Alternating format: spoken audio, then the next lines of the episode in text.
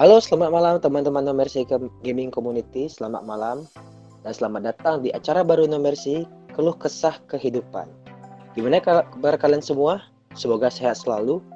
Kali ini kita akan ditemani oleh dua host yang ya cukup out of the box lah pemikirannya. Ada gue sendiri di sini Ariper dan ada teman gue di sini Bang Jen. Ya, selamat malam semuanya, Jen di sini. Ya, dan juga gue harapin kalian nggak bosan lah dengerin kami di sini ya. Uh, masih ada kekurangan deh di kami memang kurang pengalaman, tapi kami masih terus berusaha untuk belajar untuk mengelola podcast ini. Nah, di sini hmm, semoga juga sih harapan gue diskusi kita di sini bisa menjadi salah satu referensi kalian atas semua permasalahan yang kalian alami dan juga tolong tidak diterima dengan mentah-mentah pendapat kami sendiri karena kami sendiri masih ya masih anak-anak muda kece-kece ya kan bang? Yo. Jadi buat kalian yang udah join di sini kami harapkan udah baca voice Holocausta kehidupan rules. Dan kalau kalian mau diskusi dan nyampaikan pandangan bisa langsung chat-chat. Bisa di text channel Nomic Discussion di atas voice channel podcast ini ya Terus buat yang ngerasa volume bot dan kan ke depannya bisa diatur sendiri ya. Dan ini VC-nya push to talk. Jadi setelah di setting, tolong untuk tidak ngomong ter terlebih dahulu sebelum admin memberikan kesempatan kepada kalian. Dan tolong juga untuk tidak melakukan testing mic di sini, oke? Okay? Oke. Okay. Seperti yang kalian tahu, malam ini kita akan membawakan tema yang hmm, cukup cukup sensitif, cukup cukup sedikit ya berat sedikit lah kita bilang ya kan? Tapi semoga itu bisa menjadi ajang tukar pikiran kita di sini menyampaikan pendapat yang positif tentunya terhadap masalah sosial yang ada yang akan kita bahas. Oke, jadi tema malam ini menurut gue cukup menarik ya dan berat juga sih, karena uh, kita sendiri emang yang seperti tadi perbilang masih tergolong muda untuk membahas masalah ginian, tapi kita bakal coba membedah dan memberikan tanggapan deh Nah, tema malam hari ini itu itu dari keluh kesah kehidupan hari ini edisi bullying. Nah. Ya, dan kita juga menerima pernyataan seputar bullying yang bisa kalian PM langsung ke kami. Atau mungkin kalian ada juga yang ber berpendapat, bisa juga hubungi kami nanti. Dan nanti kami akan kasih waktu buat kalian untuk menanggapi diskusi kita malam ini. Oke, tema malam kali ini tuh bullying. Apa itu bullying, Jen? Oke, bullying ya menurut gue sendiri sih bullying adalah perilaku kekerasan yang dilakukan oleh seseorang atau kelompok yang menyakiti orang lain yang lebih lemah dari bully tersebut. Gimana tanggapannya, Per? Dengan kata lain itu merendahkan derajat orang lain lah ya. Iya. Yeah. Dengan cara mengintimidasi. Hmm, menarik. Oke, dan di sini juga sebenarnya kita membahas cyberbullying ya. Sebenarnya Oh. Kalau menurut gue itu cyberbullying sebenarnya hampir sama sama bullying yang seperti biasa. Bedanya kalau cyberbullying itu dia biasanya pakai menggunakan media elektronik sih hmm. sebagai sarana bullyingnya gitu. Ya betul juga. Kalau kita pikir-pikir sebenarnya bullying dan cyberbullying itu kan mirip. Hmm. Cuman kalau kita lihat dari ranah bullying sendiri, bullying kan dibagi atas dua, verbal dan non verbal atau kontak fisik.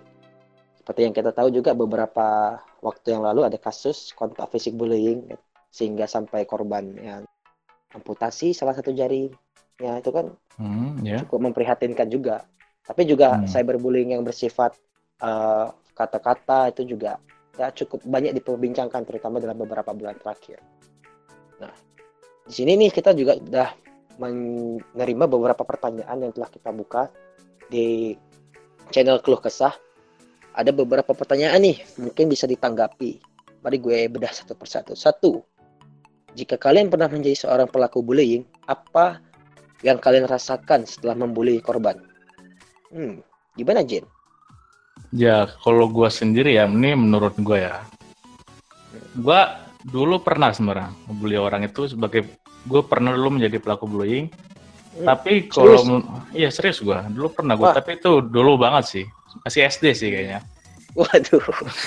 Dari SD, SD gue udah, loh. udah jahat gue ya. Aduh. Tapi itu gue, uh. menurut gue sih bullyingnya masih wajar ya, nggak maksudnya. Ya sebenarnya bullying nggak wajar juga sih. Cuman Hmm. maksudnya itu nggak sampai membuat orang itu depresi atau down gitu. Nggak. Dan Hmm. kalau menurut gue sih perasaan gue setelah bullying apa ya? Sebenarnya lebih mungkin puas sih. Serius lu? Iya, soalnya mungkin nggak tahu mungkin setiap orang mungkin punya masalah dan kadang mungkin Hmm. dia menjelaskan masalahnya itu atau mengeluarkan keluh kesahnya dia dengan bullying mungkin. Kalau gue sendiri Hmm. sih mungkin dulu gue gitu ya, tapi kalau sekarang gue udah enggak sih. Jadi gitu. Kalau menurut lu gimana?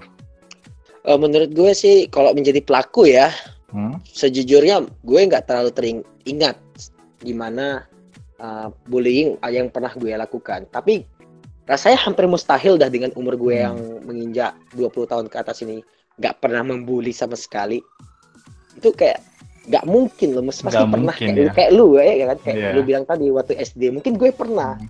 Setidaknya yang gue ingat itu mungkin membuli dengan cara uh, sebut-sebutan ny- nyautan nama orang tua, Hmm, Ya kan? ya, Tapi orang apakah tua. itu eh, kata-kata orang tua? Tapi kan nggak ada pakai bahasa kasar. Kita cuma bilang misalnya, Iya. eh nama bapak lu, misalnya siapa? Hasbi lu, Eh, Hmm. kan? Tapi Agus, nggak Agus ada tuh gitu kan. Agus lu, eh, Agung atau apa pun lah gitu kan. Tapi nggak ada unsur untuk menghina. Hmm. Jadi gue bingung juga sih kenapa dulu kita waktu muda-muda merasa marah ketika orang tua kita namanya kita sebut ya gue gimana gitu. Tapi dalam tanda kutip gue nggak merasakan kesenangan ya. Tapi di sini Enggak kan ya? di waktu itu walaupun kesal-kesal gimana tapi bukan untuk senang tapi kayak Hmm. rasa akrab Iya. Dulunya- Biasanya kita, ya, biasanya kita kalau ngebully tuh orang yang kita kenal sih emang ah iya betul betul persahabatan Rata-rata memang- kita, ya. iya yang mereka-mereka yang udah biasa tole- memiliki tingkat toleransi terhadap Iya. Kita loh Ya, dan kita tahu tuh orangnya masih dalam tahap bisa lah kita gini dia masih ada batas-batasnya. Mhm, ya ya ya ya ya ada yang mau menanggapi nggak mungkin di sini Halo, halo Halo? ini kalau PTT harus ditekan kan ya? ya Iya. ya, ya. Oke. gue agak, ini kan gue juga udah melemparkan pertanyaan tuh ya yang tadi di keluh kesah Aha. Perihal apa namanya cyberbullying ataupun bullying ya sama aja sih menurut gue ya cyber kan secara Hmm. tidak secara langsung eh, kalau bullying yang biasa ya secara langsung. Cuman gue jujur aja, gue selama hidup sampai sekarang ya 22 tahun belum pernah tuh di, di gue belum pernah merasa dibully ya secara langsung maupun tidak langsung pernah sih dikatain kayak eh, lu gue gua badan gue gak ini ya gak bagus maksudnya ceking gitu ya cungkring kayak gitu gue dikatain siapa tuh yang di eh, Ronaldo Wati itu si Siapa? juga pernah gue sering katain kayak Iya. gitu ya tapi gue gak merasa Waduh. Gue nerima keadaan ya emang segitunya kalau dikatain Ah. oke aja gue pernah seperti itu cuman gini loh gue pernah ah, gue sering lah sampai sekarang juga ya kalau ngata-ngatain it's okay pernah kayak gitu cuman kayak gini misalnya kalau gue ngebully orang eh, ngatain orang kayak gitu cuman si orangnya itu udah akrab sama gue dan tahu gimana gue dia juga eh gue juga tahu gimana dia gue bully dia gimana gimana tapi dia gak baper ataupun enggak itu bisa disebut saya bullying nggak kayak gitu loh Hmm. Terus dan dianya juga it's okay aja, gak pernah baper atau apa. Cuman orang yang mendengarkan selain dia itu kedengarannya risih kayak gitu. Misalnya, lu ngapain sih ngatain dia kok apa namanya? Kok lu gitu ke temen lu sendiri sementara ya Iya. kita cuman iseng-iseng aja loh. Ibaratnya gue ngobrol sama di sini kan ada lah korban di sini ada dua. Sekarang Iya. di Flexit ada satu tuh. Ya cuma gak apa-apa loh orangnya gue seneng lah yang kayak gitu. It's okay kayak gitu. Cuman sistem eh sebutannya itu kita ngebully atau enggak sih kayak gitu. Thank you. Ya. Makasih ya. Adit. itu mirip-mirip dong dengan kayak gue bilang tadi ya kan Ya. kita kayak itu kayak cuman bentuk komunikasi antar orang yang dekat loh itu kan kalau misal beberapa orang dulu kan sering bilang tuh yang keturunan mata sipit oh Cina lu tapi kan Hmm. tidak dalam bentuk menghina ya kan Hmm. dan sekarang karena ini menurut gue sih eh, pandangan kayak gitu karena kita mulai terbuka dengan dunia luar karena kan asal mulanya pernyataan bullying-bullying dan segala macam itu kan dari luar Indonesia Ya. kita mulai terbuka dengan pemikiran-pemikiran luas sehingga kita mengadopsi pemikiran itu seakan sekarang oh kalau kita ngomong sedikit tentang kejelekan itu buruk itu. Padahal dari dulu kita ber, eh, terbiasa ngomong buruk. Maksudnya itu bukan untuk hanya menghin, bukan untuk menghina sebenarnya tapi lebih berusaha untuk memberikan experience kepada lawan bicara kita terhadap diri kita. Ya, mungkin nanti kalau menanggapin kayak yang si Adit bilang untuk apa baper lah terhadap pernyataan Hmm. kita terhadap orang lain itu mungkin kita diskusikan lagi di nanti. Ya, kalau menurut gue sendiri sih, sebenarnya Adit yang bilang, kalau misalkan Mhm. dari yang dibully sendiri nggak ngerasa dibully, dan mungkin orang lihatnya dibully, menurut gue sih sebenarnya itu emang pembulian. Kalau menurut, kalau dari pandangan orang lain. Tapi Oke. kalau emang dari emang yang dibulinya sendiri oke-oke aja ya, menurut gue masih bisa sih. Emang mungkin itu seperti yang Hari perbilang tadi, itu emang candaan-candaan ya kehidupan kita sehari-hari sebagai teman aja sih. Dan kadang juga bully bisa membuat orang itu jadi lebih positif sih menurut gua. Mhm. Oke, mungkin kayak gitu deh. Eh, mungkin gue ingetin lagi kepada teman-teman yang baru gabung. Di sini kita sistem eh, dari se- apa voice chat kita ini push to talk ya. Mungkin kalian bisa men-settingnya dan ya tolong tidak meng- berkata-kata atau testing-testing mic di sini karena sedikit mengganggu nantinya. Oke, kita lanjut ke pertanyaan berikutnya. Di sini ada pertanyaan nih. Jika kalian adalah seorang pelaku bullying, apa sih yang dapat membuat kalian tuh tertarik untuk melakukan bullying? Gimana tuh, Jen? Maksudnya di sini mungkin tertarik kepada korbannya mungkin. Yang membuat Mungkin lebih- membuat kita Hmm, lebih gimana? gimana? Nah, mungkin di sini menurut- hmm, menurut gua kan tertarik maksudnya sebenarnya kita tuh bully itu emang bullying tuh enggak semua orang bisa kita bully emang. Kadang emang Mhm. mungkin dari pergaulannya dia dia emang awalnya emang dikucilkan atau mungkin dia terlihat lemah menurut gua bullying juga sebenarnya nggak orang yang kuat banget sih. Jadi dia emang terkadang melihat orang-orang yang lemah yang lebih lemah dari dia lah gitu untuk dibully Oh, kayak- menurut gua gitu. efek balas dendam gitu mungkin ya. Ya, mungkin dia juga dulu pernah Hmm. dibully kan. Jadi dia mau balas itu. dendam. Hmm, tapi oke, yang lebih lemah dari dia gitu orangnya. Hmm. Oh, gue ngerti, gue ngerti. Oke, oke. Tapi sih kok gue sih ada sedikit pandangan berbeda ya mungkin kan untuk Hmm. masalah ketertarikan ini sendiri. Karena kan eh, bullying itu kan sebenarnya ajang menurut gue gini. Ajang untuk seseorang untuk malahan seperti untuk pamer kekuatan bahwa dia itu memiliki pengaruh, memiliki masa seakan-akan masa itu dan pengaruhnya itu adalah suatu kebenaran. Jadi kayak dia memamerkan bahwa oh gue punya kekuatan nih, gue punya pengaruh nih. Jadi kayak untuk mendapatkan gimana ya? Apa sih perhatian dari Hmm. orang-orang bahwa dia itu hebat gitu loh. Kalau gue sih lihatnya ke situ Iya, lebih iya. ke ke tingkat bahwa bullying itu beranggapan bahwa dia itu lebih tinggi derajatnya daripada orang yang ya kayak lu bilang Iya. tadi korbannya itu pasti Hmm. mereka yang lebih lemah Lebih lemah ya. atau mereka yang lebih sedikit jumlahnya dari mereka. Itu biasa kayak gitu kita lihat kan sudah umum lah. Sudah sangat biasa terjadi. Hmm. Hmm, mungkin ada yang menanggapi itu atau ada yang pernah merasa melakukan bullying sehingga kalian itu gimana ya? Merasa eh tergelitik mungkin atau ingin ah gue gatal nih ingin bullying orang ini gimana sih? Atau ada, ada nggak? Gue lagi gak apa-apa. Nggak Coba apa-apa. apa? Lanjut aja. Ya. Oh mungkin beberapa orang juga. Aku kenalan jangan-jangan ya gak usah lah. Hamba Allah lah. Terus ini gua gua pernah pas SMA nih. Pas SMA gua kan di kelas gue itu cuman gua kela- ngambil kelas bahasa. Kelas bahasa itu cuman ada 21 siswa. Cowoknya itu ada 7 kalau gak salah. Dan jadi korban tuh dua. Oke, gua Woi. membentuk geng itu tiga orang, gue, Fajar, Muslim itu tiga orang itu. Dan yang korbannya itu si Darman Darman itu lo mungkin beberapa orang di sini tahu lah gue ngatain Darman karena di sini tuh ada temennya yang di Aceh. Aneh loh, gue juga berpikir ada gak eh, pendapat kalian menurut gue gini, kalau orang-orang terbully itu biasanya gimana ya orang-orang yang disakitin biasanya dikabulkan kan kayak gitu. Atau mendapatkan hoki yang bagus atau gitu ya. Gue denger dengar kayak gitu.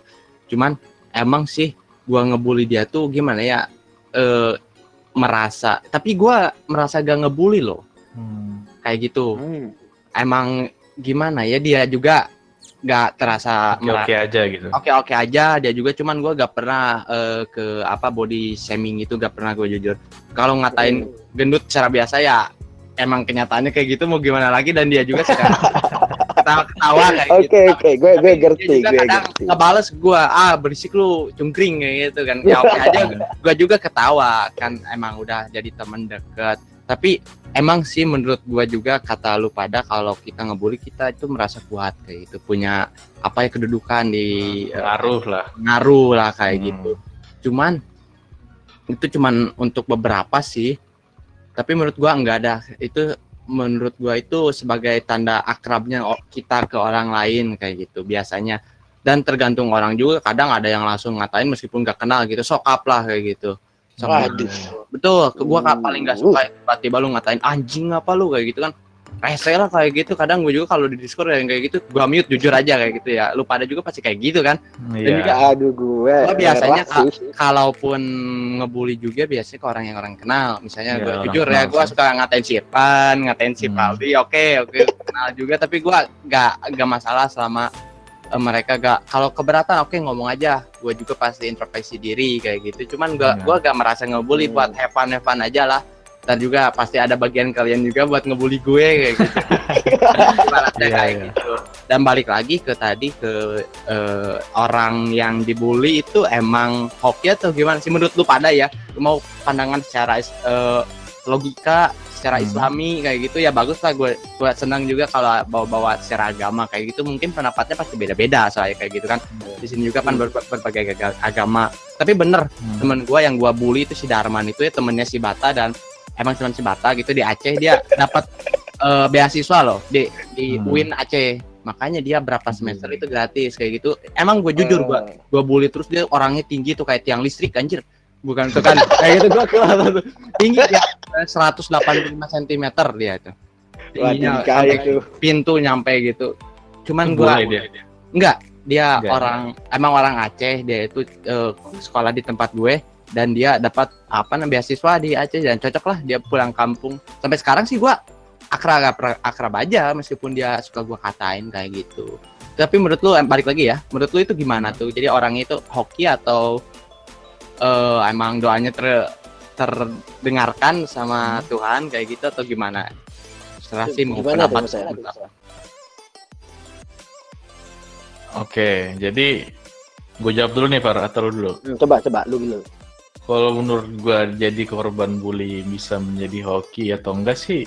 Kalau secara yang gue lihat sih selama ini ada yang hoki, ada yang enggak juga sih. Tapi yang gue kenal itu emang dia hoki ya orangnya. Sebenarnya nggak usah jauh-jauh di Discord ini juga ada. Jadi Aduh. jadi enggak dia emang sering dibully ya di sini. Dia itu kalau di game gitu dia nggak tahu dia hokinya hoki banget gitu. Mungkin kalau Iya. semua kan nggak tahu game kan ya. Ya ya. Jadi intinya dia bisa menghasilkan duit mudah lah jadinya di game gara-gara mungkin dia emang sering dibully juga sih. Mungkin gitu sih. Kita kadang gimana ya? Risih lihat hokiannya itu. iya. kita risih terus jadi kita bully kan dia. ya ya. ya. kadang kita ya ih gatel nih ih gimana gitu. Itu kalau kita bilang masalah ya apa? Dia dapat apa gitu tadi? RNG-nya tinggi tiba-tiba Iya. kadang kena kena buff itu. Wah, bully buff. buff luck tambah 5 kan. Wah, mantap juga sih tapi. Tapi nggak mungkin kalau gue ya. Persepsi logika nih, logika gue nih. Itu RNG aja menurut gue ya Iya. itu RNG doang sih. Karena kalau misalnya dia mi- kalau misalnya dia nanti hoki aja cuman karena bullying, Hmm. karena banyak kayak lu bilang tadi dong, banyak orang yang Hmm. ngebully tapi uh, jadi korban bully tapi nggak juga baik hidupnya atau gimana kan. Kalau gue pernah dengar gini, kalau orang membuli itu kan otomatis melakukan hal buruk. Iya. Orang yang melakukan hal buruk itu balasannya itu bukan ke korban tapi ke dirinya Hmm, sendiri. dirinya sendiri. dia merasakan keburukan itu juga atau atau sesuatu yang setimpal. Itu yang pernah gue pelajari kayak gitu. Nah tapi kalau Hmm. menjadi ke korban biasanya dia dibukakan hatinya dia lebih sabar dia lebih ya hal-hal positif lah kalau dia bisa mengontrolnya. Itu lebih kalau pandangan gue ya. Tapi kalau kita bilang buff di, dikena buff gitu loh. Karena dibully gimana? Ih gak ih geli kali gue dengar ya. Gak mungkin lah. Ih. Gue Ya, agak gimana sih gitu emang kalau- agak gatul kok gue dengar kayak gitu. Eh, po- sorry, boleh nanya lagi? Hmm. Oke gini, misalnya nih, eh lu- gua tahu lu pada itu eh, bukan korban ya, pelaku bullying ya. Kenal ya, lu pada itu pelaku kan kayak gitu. Cuman pernah gak ada korban yang lu mau real life, mau di cyber kayak gitu, yang gimana yang baper orangnya, terus si orang itu baper ke lu ngomong lah kayak gitu, lu ngapain sih kayak gitu, gua gak suka digituin kayak gitu, sampai kita itu harus minta maaf ke dia sampai merasa gak, e- gak enak tuh sama dia itu pernah gak lu pada Hmm. Oke. Kalau gue ya, gue sih, uh, berarti kan kayak dia marah kan, sehingga kita harus terpaksa minta maaf lah, gitulah kan, garis besar ya. Kalau misalnya, ya nggak, misalnya, takutnya gue Hmm, salah ya, mengerti kan. Nah, kalau misalnya, jujur ya, gue sampai sekarang tidak pernah minta maaf atas apa yang gue buat. Hampir nggak pernah. Gue jujur aja, hampir tidak pernah gue minta maaf tentang apa yang gue buat. Tapi, tapi nih, gue akan minta maaf jika seseorang tersinggung terhadap apa yang gue buat. Lu paham nggak? Mhm. Paham nggak? Mungkin, Iya, lu paham nggak Jen? Ngerti gue. Jadi gue gue nggak merasa apa yang gue lakukan itu salah.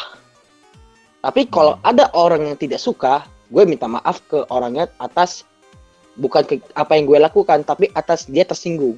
Ya intinya selama orang yang lu bully itu nggak tersinggung, lu nggak merasa bersalah kan? Ya, gue nggak akan Hmm. bersalah. Contoh kayak gini, Ya. ada orang tersinggung. Eh, dia, gue nggak tahu dong, mungkin dia tersinggung kalau dia nggak nyampaikan atau dia menyebarkan. Jadi gue nggak mungkin minta maaf apa dengan apa yang gue lakukan. Nah, tapi kalaupun dia tersinggung dan dia bilang, eh gue tersinggung, oh gue minta maaf, tapi gue nggak merasa apa yang gue lakukan salah. Bagian Hmm, apa ya. yang menurut lu, eh, lu tersinggung? Bisa bagian-bagiannya. Lalu gue jelaskan. Normalnya, normalnya. Setelah gue ngajak ngomong, pada akhirnya dia tuh nerima. Masa mengerti kenapa gue gitu, kenapa gue melakukan itu. Gimana ya? Tapi memang nggak bisa ke setiap orang sih, tergantung rata-rata. Iya. Tapi gue gitu. Intinya Nah, lu lu, udah udah mengenal lah karakter orangnya kayak Hmm. gimana, batas-batasnya tuh kayak gimana. Ya, kalau Normalnya gue- gitu, Hmm. normalnya ya. Kalau- hmm. Tapi gue batasin diri juga berusaha untuk tidak ya melakukan hal yang bisa menyebabkan kontroversi di publik ya. ya ya. gue membatasi diri, menahan-nahan deh gitu lah. Kalau lu gimana Jen? Kalau gue sendiri sih selama ngebully ya. selama selama ngebully seseorang Oke.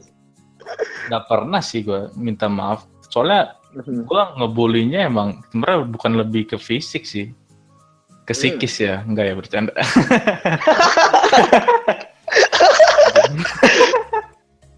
Itu sih, waduh. Jadi psikis sampai dia Anda merendahkan orang lain ya. enggak sih gue Aduh. bukan verbal ya verbal biasa sih nggak ke fisik dan biasanya emang gua gua tahu orangnya tuh mungkin emang kalau dibully dia biasa aja atau dia masih terima lah gitu tapi selama ini gua nggak pernah sih sampai ada masalah karena ngebully orang sih saat ini sih belum Kalau gue sih mungkin kayak yang gue bilang tadi itu kapan ya gue minta maaf karena orang tersinggung? Pernah sih. Gue ingat sama Hmm. rating tapi gue nggak minta maaf sih ingat gue. Bejet kali pikirannya. Kurang lebih kayak gitu dah. Hmm, oke. Jadi kayak ini kita lanjut pertanyaan selanjutnya. Terus ada yang nanya nih, sanksi yang pantas untuk orang pembuli, baik itu bully langsung atau cyberbullying? Wah, sanksi langsung. Hmm, menurut lu gimana? Sanksi ya gue sih eh, berpikir kayak gini kalau membuat sanksi sih satu-satunya yang pantas untuk memberikan dampak atau perlawanan kepada para pembuli sih cuma satu sanksi sosial Iya. karena bullying ini sendiri kan fenomena sosial Hmm, kan kalau fenomena fenomena sosial itu eh, nggak mungkin dipatahkan atau dihantam dengan sesuatu yang lebih berat. Karena sosial itu kan persepsi, pandangan, di mana mungkin gue di sini yang di Aceh dan lu yang di sana, kalian-kalian di sana tuh Hmm. nggak satu pemikiran dengan gue. Ya, Tapi beda. bagi gue, gue terima. Atau sebaliknya, pendapat kalian yang di sana mungkin gue nggak terima karena perbedaan budaya, perbedaan uh, pola pikir, kebiasaan. Nah, Jadi- jadi ke norma sosial gimana? Jadi menurut lu tuh kalau bullying sanksinya ke sosial gitu. ke sosial misalnya kita contoh bullying uh, bukan cyberbullying lah dulu bullying verbal di sekolah dia dibul membuli kucilkan Iya. tapi tetapi banyak dari pembuli-pembuli ini malah men- malah mendapatkan uh, spotlight. Jadi Hmm. dia wah ber- ber- berasa bahwa gue didukung nih kalau membuli nih. Tapi sebenarnya enggak juga. Buktinya Hmm. kalau misalnya gini loh. Kita contoh misal mungkin masa-masa sekolah. Kalau ada orang pembuli bagi gue yang paling berhak untuk melakukan apa eh, sanksi sosial itu pihak sekolah atau guru tetapi kita Hmm. tahu dong kalau sekarang sanksi sosial dari pihak eh, yang lebih tua seperti guru di sekolah itu biasa akan kena teguran eh, dari pihak orang tua mereka sendiri Iya. Nah. kan? tapi kalau misalnya kita pikir-pikir, kalau tidak memberikan sanksi sosial, bagaimana korban yang ter- yang terjadi yang menerima bullying? Tentu tidak fair. Nah, satu-satunya harus menerima dan masyarakat kita harus sedikit mengubah pola pikir bahwa um, itu berhak untuk menghukumnya, berhak untuk menghukum para pembuli ini. Jangan cuma dibiarkan. Begitu juga cyberbullying menurut gua. Ada fenomena sosial yang memang harus misalnya kayak cyberbullying itu dia di pantas untuk dimaki. Menurut gue pantas. Ya menurut gue pantas. Gue sendiri berpendapat siapa pun yang melakukan cyberbullying pantas dimaki tetapi biasanya cyberbullying itu tidak berdampak kenapa yang melakukan cyberbullying itu normalnya kalau kita tahu ya fake ak- fake akun fake Ya akun. anonim gitu kan. anonim semua jadi kita Iya. berkata-kata dia mera- merasa aman. Mungkin kalau kasus yang bisa fenomena sosial yang paling berdampak itu mungkin kayak kasus Deddy Kobuser eh, mendatangi pembulinya, hatersnya. Wah, itu baru kalau bisa dilakukan banyak orang, ah keren kali tuh. Eh, gue. Gue boleh pendapat gue gak? Mhm. Iya. balik lagi ke sanksi sosial tadi cuman gini loh kalaupun sanksi Mhm. sosial con- sa- ambil salah satu contoh deh kemarin kan gue lihat berita berita itu tentang siswa yang dibully sampai apa namanya sampai tangannya harus diamputasi ya Iya, iya. Kalau salah. Jari Ah, tengah kanannya putus tuh ya, gue tahu. betul itu itu parah banget lah pihak sekolah pun eh, apa ya menutup nutupinya ibaratnya lah itu cuman apalah main-main kayak gitu. Cuman untuk sanksi sosial tuh Hmm. susah loh bagi orang yang nggak punya kedudukan. Misalnya ya ibaratnya gue nih korban dan orang korban gue itu orangnya pendiam kayak gitu. Kena bully kita itu Hmm. terus terus bully. Kita itu gak dapat perta- pertahanan lah kayak gitu. Gak dapat perlindungan dari siapa pun selama pihak sekolahnya pun kayak gitu. Ya bingung juga kan. Ujung-ujungnya ya amit-amit ya banyak yang bunuh diri kayak gitu. Mungkin menurut gua kayak gitu orangnya itu gak Hmm. punya perlindungan gak punya orang lain lagi. Banyak lah orang-orang yang kayak gitu nolep kayak gue kayak gitu kan. Jadi di mana gak punya temen lah ibaratnya buat share kayak gitu. Dan harapun share itu orangnya itu harus kita deketin dengan apa traktir atau apa banyak lah kayak gitu. Nah untuk norma sosial menurut gue emang sih cocok. Cuman kalaupun orang itu gak punya kedudukan atau dia gak dianggap ada lah sama aja sih bohong. Kayak gitu. Sama aja gak ada pengaruhnya meskipun Jadi- misalnya kayak gini lah gua yang ngebu sering ngebully terus gua yang dibully malah gua yang dipertahanin kan? Kayak gitu. Kalaupun Ah, iya. punya banyak teman kayak Betul, gitu. betul, betul. iya jadi emang agak berat juga sih. Terkecuali udah kita laporin kan ada uh, aturannya undang-undang ya uh, cyberbullying itu kalau nggak salah. Ya gua nggak tahu juga baca-baca kayak gitu ya kalau kita menjelek-jelekan nama or- orang lain kan kena undang-undang kan tahu gua kenapa Hmm. gak kita pasang itu aja kayak gitu kan berat juga malah entar kayak kemarin Ibu Susi kan dikata-katain kan eh Ibu siapa yang eh, wali kota Wali kota Surabaya. Surabaya. Risma, Risma. Ah, Nah, Bu, Risma. Bu Risma, sorry sorry, Bu Risma kan dibully-bully sampai ibu-ibu ngatain si Bu Risma itu apalah apalah. Iya. Sekarang kan dilaporin. Emang sih dimaafkan, cuman tuntutannya Hukum tetap dilepas. berjalan. Hukum tetap berjalan. Emang sih menurut gua emang norma sosial bisa tergantung orangnya juga, cuman eh, aturan undang-undang lebih bagus menurut gua kalau dipakai. Oke, ini mau balik lagi lah menurut pendapat gue lagi nih ya. uh, maksud norma sosial di sini gini misalnya ada pih ada di dalam lingkungan yang memiliki hubungan terhadap kasus bullying itu seharusnya ada pihak yang ngotot ngotot untuk memberikan sanksi tegas bahwa hal ini dilakukan salah. Gue nggak setuju juga dengan apa yang terjadi dengan uh, kondisi di Malang gitu kan, yang sampai tangannya diamputasi karena it's it's ah fuck man itu sampai tangannya diamputasi loh itu nggak normal sebagai komunikasi antar siswa. Di mana coba komunikasi antar siswa yang bisa buat sampai tangan harus diamputasi coba?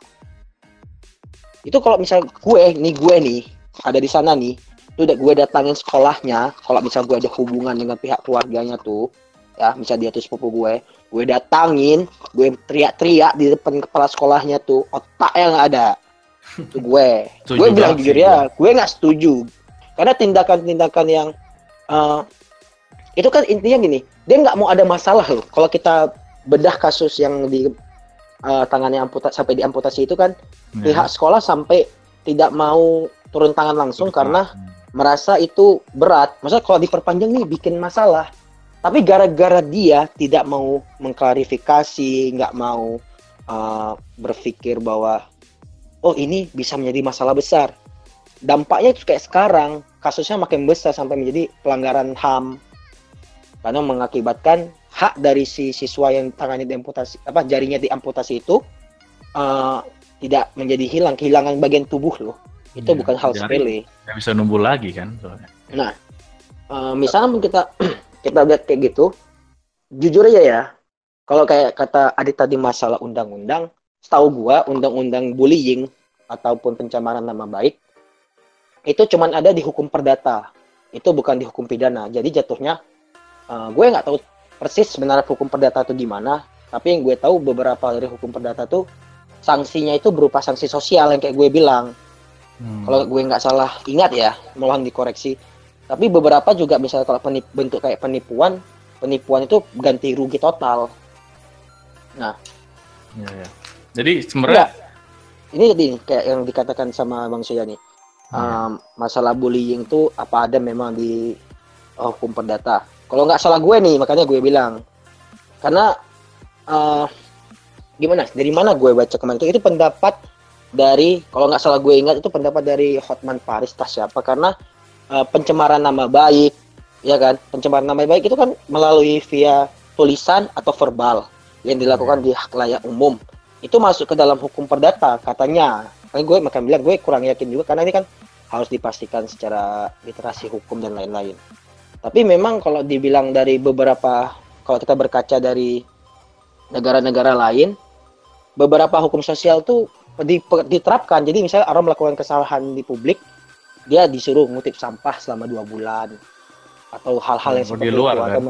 Ya di luar. Hmm. Gue pernah kayak uh, mungkin berita di mana gue pernah baca atau bahkan di beberapa sampai dijadikan referensi dari film-film ya orang melakukan kesalahan untuk disuruh melakukan sanksi sosial itu ada memang tapi kalau misalnya kita berkasus seperti uh, gimana ya terkadang kalau kita menggunakan undang-undang kita tuh undang-undang kita tuh kan undang-undangnya nggak salah tapi penerapan hukum yang salah jadi tetap tidak adil bagi gue lebih pilih gue sih oh, masyarakat turun tangan itu menurut gue sih menurut lu gimana Cik?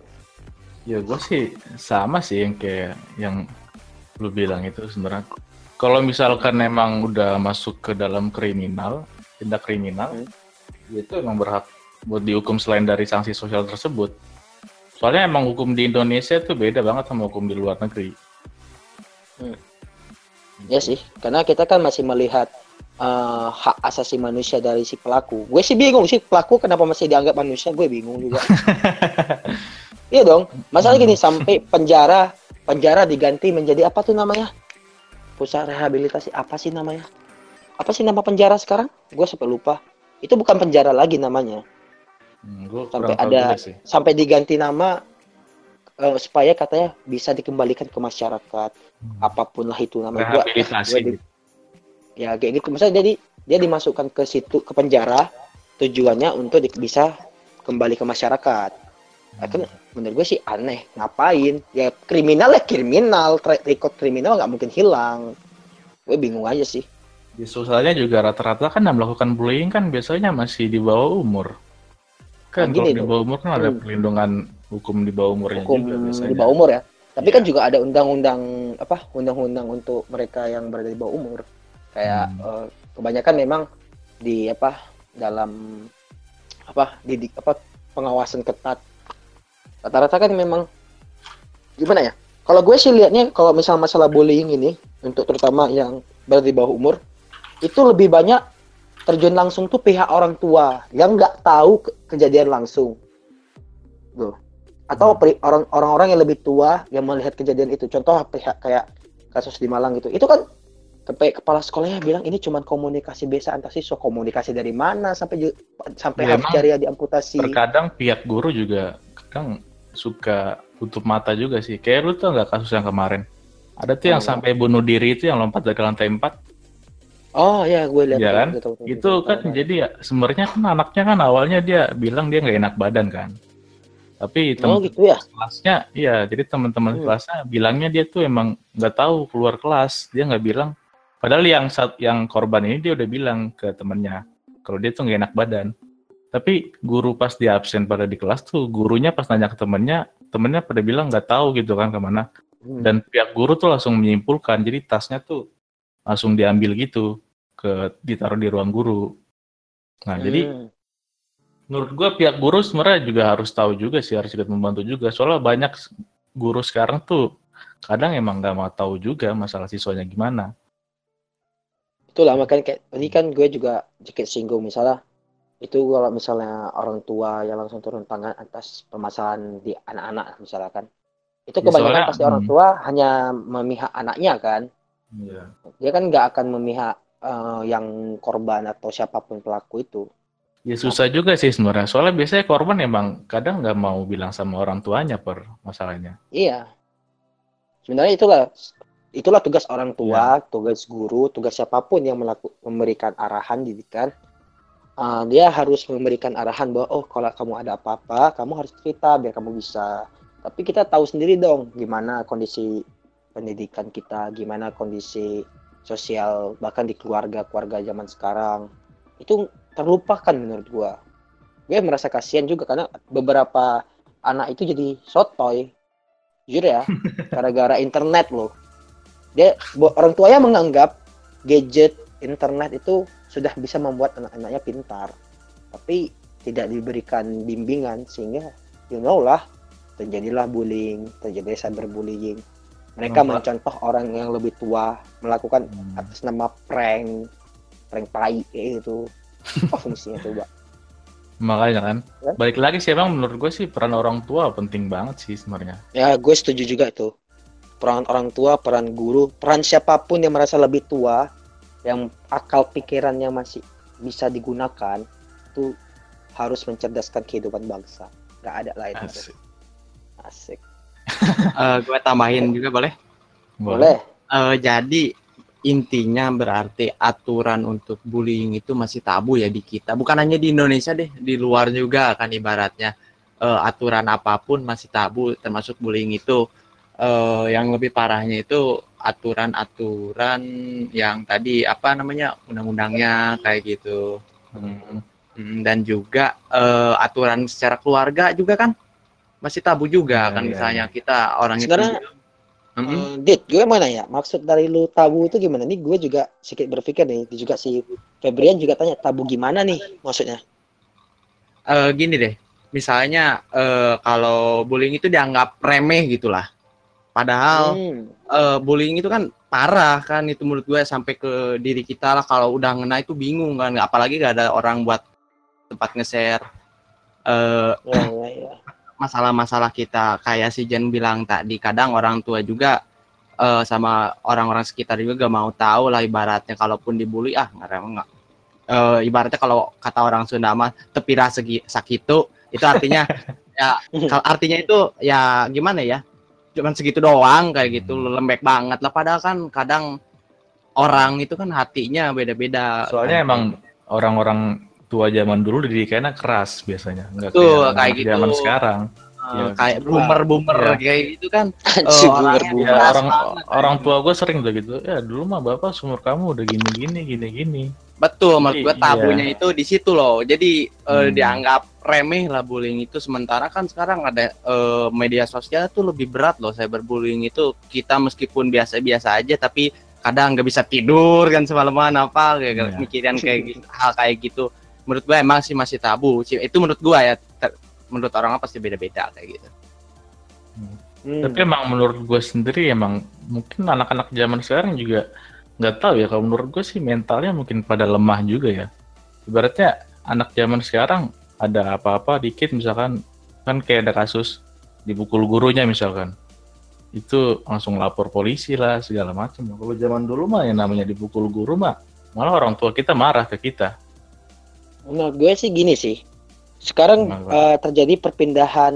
Ini kalau kita, ini kan terjauh nih, agak jauh pembahasan dari bullynya sendiri kan. Ya. Eh, menurut gue kita anggapannya ini eh, diskusnya di kalangan anak anak sekolahan lah, anak sekolahan Hmm. ke bawah, SMA Ya, ke bawah. SMA, SMP, SD. Udah pada gede-gede juga jarang sih nggak Ya, ya kalaupun gede rasanya rasanya ya enggak ah sih gua gitu ya pasti gitulah ngerti lah kalau yang udah gede-gede umur 20-an kalau menurut gue sih gini sekarang tuh ada terjadi pergeseran pemikiran dari orang tua zaman dulu dan orang tua zaman sekarang gitu rata-rata tuh diakibatkan itu pasti eh, ada ya hadirnya teknologi kayak internet laptop smartphone hal-hal seperti itu jadi eh, banyak di orang tua dulu tuh nggak ada sehingga anak-anaknya itu cuman mainnya tuh masih dalam ruang lingkup kawan-kawan tetangganya Hmm. ya kan kalau orang Iya. dulu tuh pasti mana banyak sih teman-teman di seumuran atau yang bisa dia ngajak ngomong itu di sekitar wilayahnya itu? Nah paling di dua tiga lima orang lah kita anggap. Nah, tapi kalau Hmm. sekarang berkat adanya sosmed bahkan anak kecil pun bisa berteman yang di Indonesia nih. Berteman dengan seseorang di Amerika berteman dengan seorang di Cina di Korea di Rusia di Arab di mana aja. Sehingga membuat dia itu lebih menganggap budaya negara itu nggak ada. Budaya daerah itu tidak ada. Nah orang tuanya kan tidak mengontrol tidak mengawasi. Itu membuat eh, terjadi gimana ya? Perubahan pola pikir bahwa mengikuti tren yang berada di, di wilayah lain itu di- lumrah. Kalau misalnya di sini kan kita kita tahu lah misalnya kayak eh, lu pada yang rumahnya sebelah sebelah itu pasti sifat dari orang tua sifat dari tetangga lu tuh pasti mirip-mirip. Iya. ya kan? Kalau Hmm. di tempat lain kan beda. Nah, hal itu menjadi eh, kayak crash antar budaya sehingga menganggapnya budaya yang di sana tidak apa-apa. Tetapi karena itu berupa budaya berupa informasi orang tua dia ini nggak tahu bahwa dia udah mendapatkan informasi itu. Kalau dibandingin dulu yang tetangganya pasti itu itu aja orang tuanya pasti tahu dong dia kira-kira berpikir seperti apa nah pemikiran itu masih dibawa sampai sekarang. Padahal informasinya itu udah lebih banyak udah lebih meluas. Jadi orang tua tuh nggak mengawasi kebanyakan. Hmm. ya rata-rata membiarkan membiar me- dengan landasan gue sayang anak gue. Dikasihnya internet. Tapi menurut gue itu hal yang Tapi salah. nggak diawas, tapi nggak diawasi gitu kan? iya gitulah.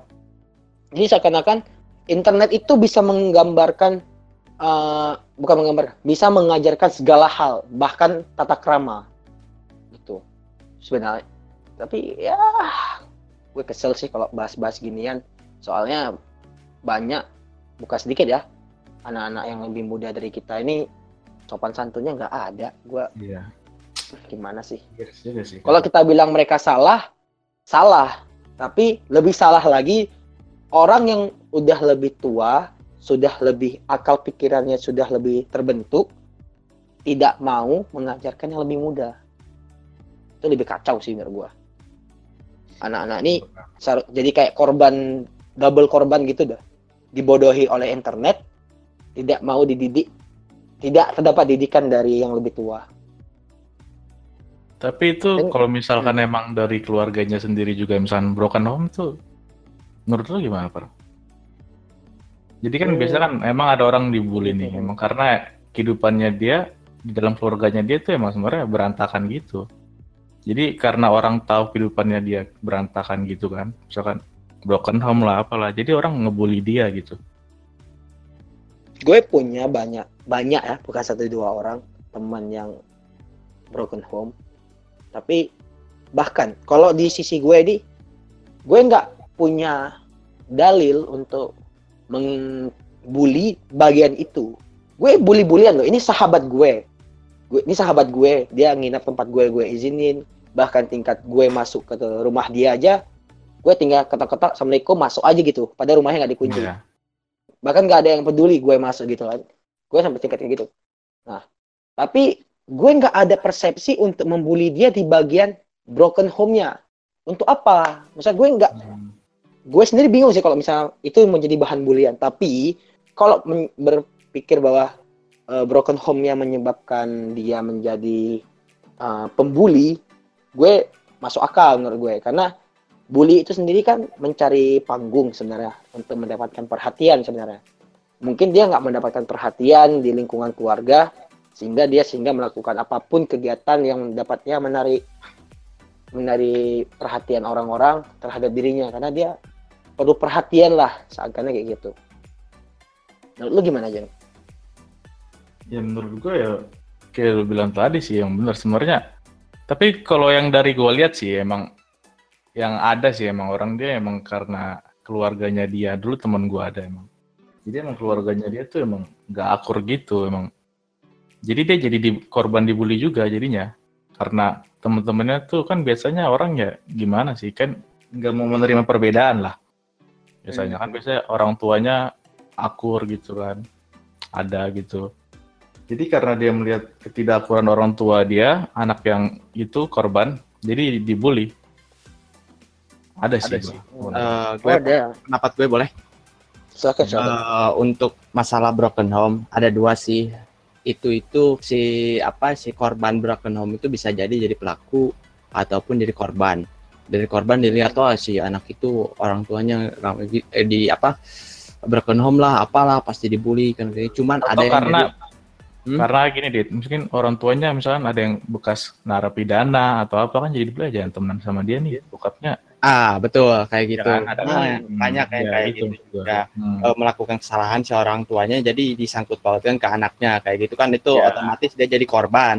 Cuman yang jadi pelaku hmm. pun banyak di mana pelakunya itu gara-gara dia kurang didikan karena orang di rumahnya broken home lah. Balik lagi kayak kata si Arifer tadi di mana si eh si karyawan, si si orangnya itu uh, broken home. Jadi dia itu cari perhatian dia emang gak diperhatiin di keluarganya otomatis ah gue caper aja deh di sini gue kesepian kan kayak gitu. Ya banyak juga sih yang kayak gitu otomatis menurut gue sih emang ada dua jadi korban ataupun di pelaku kalau hmm. gue sih pikir gini kayak yang tadi gue sedikit tersentil dengan pernyataan lu di gini dit. Kalau misalnya kita berpatok kepada kayak gue yang bilang tadi kan maksudnya jika dia menjadi uh, pelaku pembuli kan karena untuk mencari panggung perhatian. Tapi gue masih nggak dapat sih gue nggak ngerti kenapa orang-orang harus membuli sisi dia itu broken home. Jujur jujur ya nih ya gue punya banyak teman yang broken home bahkan nggak gue nggak pernah sekalipun teman-teman gue yang lain membuli dia karena broken home gue nggak mikir apa yang lucunya. Biasanya gini kalau kita gue jujur aja lah. Gue kalau ngebully orang itu pasti lucu-lucuan tujuannya nggak ada nggak ada mungkin yang lain.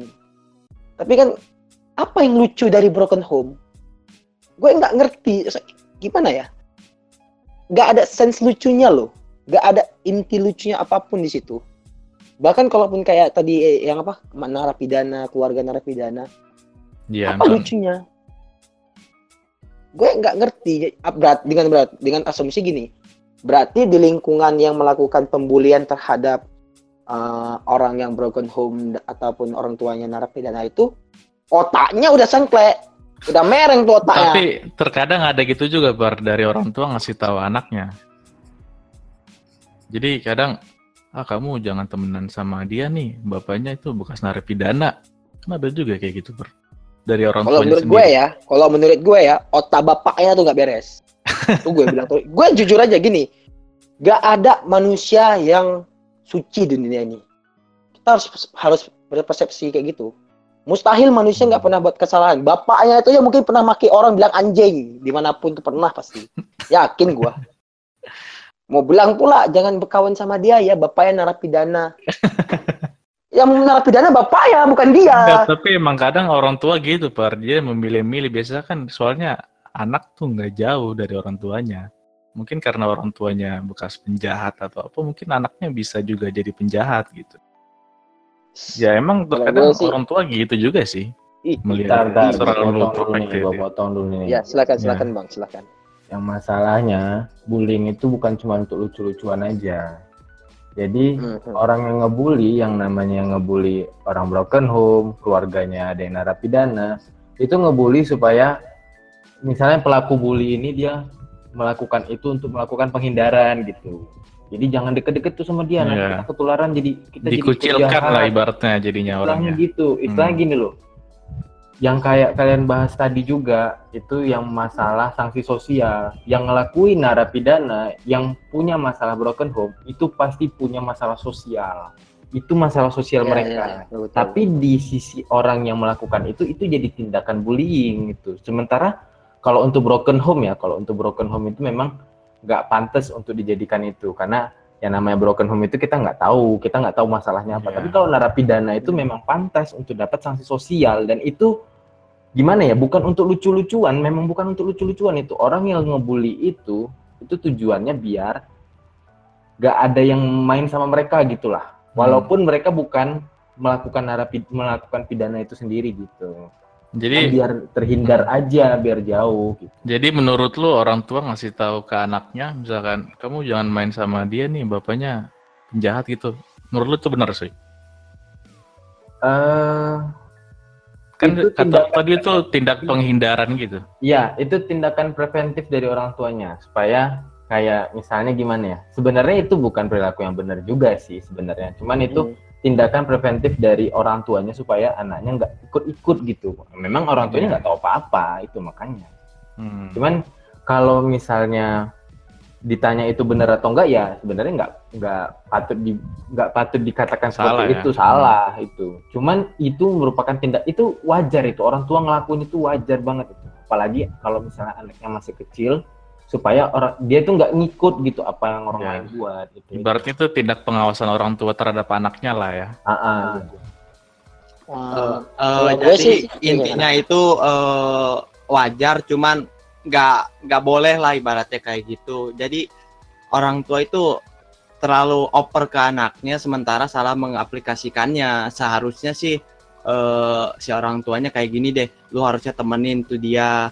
Eh, dia itu orang tuanya kayak gini. Jadi lu harus temenin kayak gitu. Jangan sampai dikucilkan kayak gitu. Sebenarnya itu buat pelajaran buat si anaknya juga salah. Si orang tuanya harus nyuruh ke anaknya buat ngejauhin dia kayak gitu. Tapi Eh. emang rata-rata kayak gitu kan. Iya rata-rata Kan? dan teman gue juga ada sih orang tuanya yang narapidana kayak gitu. gue mau Jadi- sedikit pendapat kayak gini. Hah? Gue punya saudara, om lebih tepatnya, sepupunya ibu gue itu narapidana, penjual narkoba, pengkonsumsi narkoba, eh, distributor miras dan lain-lain lah. Bukan satu dua orang ya. Gue bilang terus terang aja. Tapi nggak ada tuh. Gue jujur pribadi, keluarga gue itu nggak melarang dia karena mungkin keluarga. Gue dapat Iya, berpikir demikian. keluarga. Nah, tapi eh melar tapi ada pernah kasus orang narapidana juga yang kami kerja kami bawa jadi pekerja ya kami anggap biasa aja. Nah, ya dia udah pernah jadi narapidana ya udah. Tapi kalau misalnya dia melakukan hal yang buruk-buruk diantisipasi. Bukan menjadi ajang untuk eh, merendahkan orang lain menurut gua ya.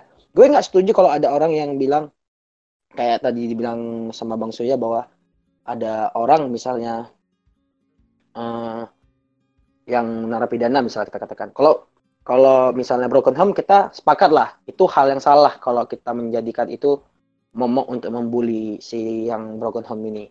Nah tapi kalau misalnya narapidana kayak gitu, eh, yang misalkan orang tuanya tuh, anaknya kan nggak ada salah apa-apa.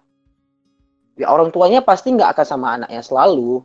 Nah itu sebenarnya harus kembali lagi ke orang tuanya, di mana orang tuanya tuh bisa mendidik bahwa walaupun dia berbaur di, di lingkungan mana pun, dia harus bisa survive, dia harus bisa berpikir lebih pintar, lebih kritis, lebih bijak. Tapi apakah sekarang orang tua orang tua ini eh, bijak dalam membimbing anaknya gue sih tidak sih menurut gue menurut gue sih gitu. Wah panjang juga sih ini. Diskusi kita untuk satu soal ini panjang. Wah. Uh. gimana Jen? Ya benar sih sampai yang bilang. Sebenarnya tergantung anaknya sendiri sih. Terkadang memang walaupun orang tua nyuruh kita jangan ini jangan itu terkadang kita juga harus pinter-pinter juga. Walaupun memang kita harus mengikuti perkataan orang tua kita tapi kadang memang nggak semuanya benar memang tergantung kita Hmm. sendiri kita juga harus bijak sih dalam mengambil setiap keputusan Ya, ya. Mungkin ini masukan ya kepada teman-teman yang masih ya SMA ke bawah yang masih mungkin nggak paham dengan maksud yang kami maksud di sini Uh, kami memberikan pemikiran ke kalian bahwa jangan bukan bukannya buruk untuk menjauhi seseorang karena suatu hal yang ada sisi negatif dalam dirinya tapi jika itu bukan dia yang melakukan sebaiknya jangan kita jauhi dia karena bukan dia yang melakukan orang lain tapi karena berimbas ke dirinya itu karena hanya dia memiliki hubungan. Sebenarnya tidak bijak kalau kita berpikir bahwa jika orang tua yang melakukan A, anaknya juga melakukan A. Kan kehidupan itu bagaikan roda yang berputar. Belum tentu orang tua dan anak memiliki nasib yang sama, bukan? Pendapat gue. Gimana nih? Lanjut ke pertanyaan berikutnya. oke lanjut di sini juga sebenarnya Oke. ada survei gitu ya Hmm, survei, survei, survei. Yang pertama di sini ada jika kalian merupakan korban bullying, bagaimana perasaan Anda terhadap orang yang membuli kalian? Gimana super? Kamu menurut lo? Hmm, gimana ya? Perasaan lu Hmm. sama orang yang bully lu benci gitu atau pengen balas sih bodo lagi? Bodo amat. Jujur aja, gue sih bodo amat. Soalnya lu nggak pernah dibully ya? Gue pernah dibully. Pernah ya?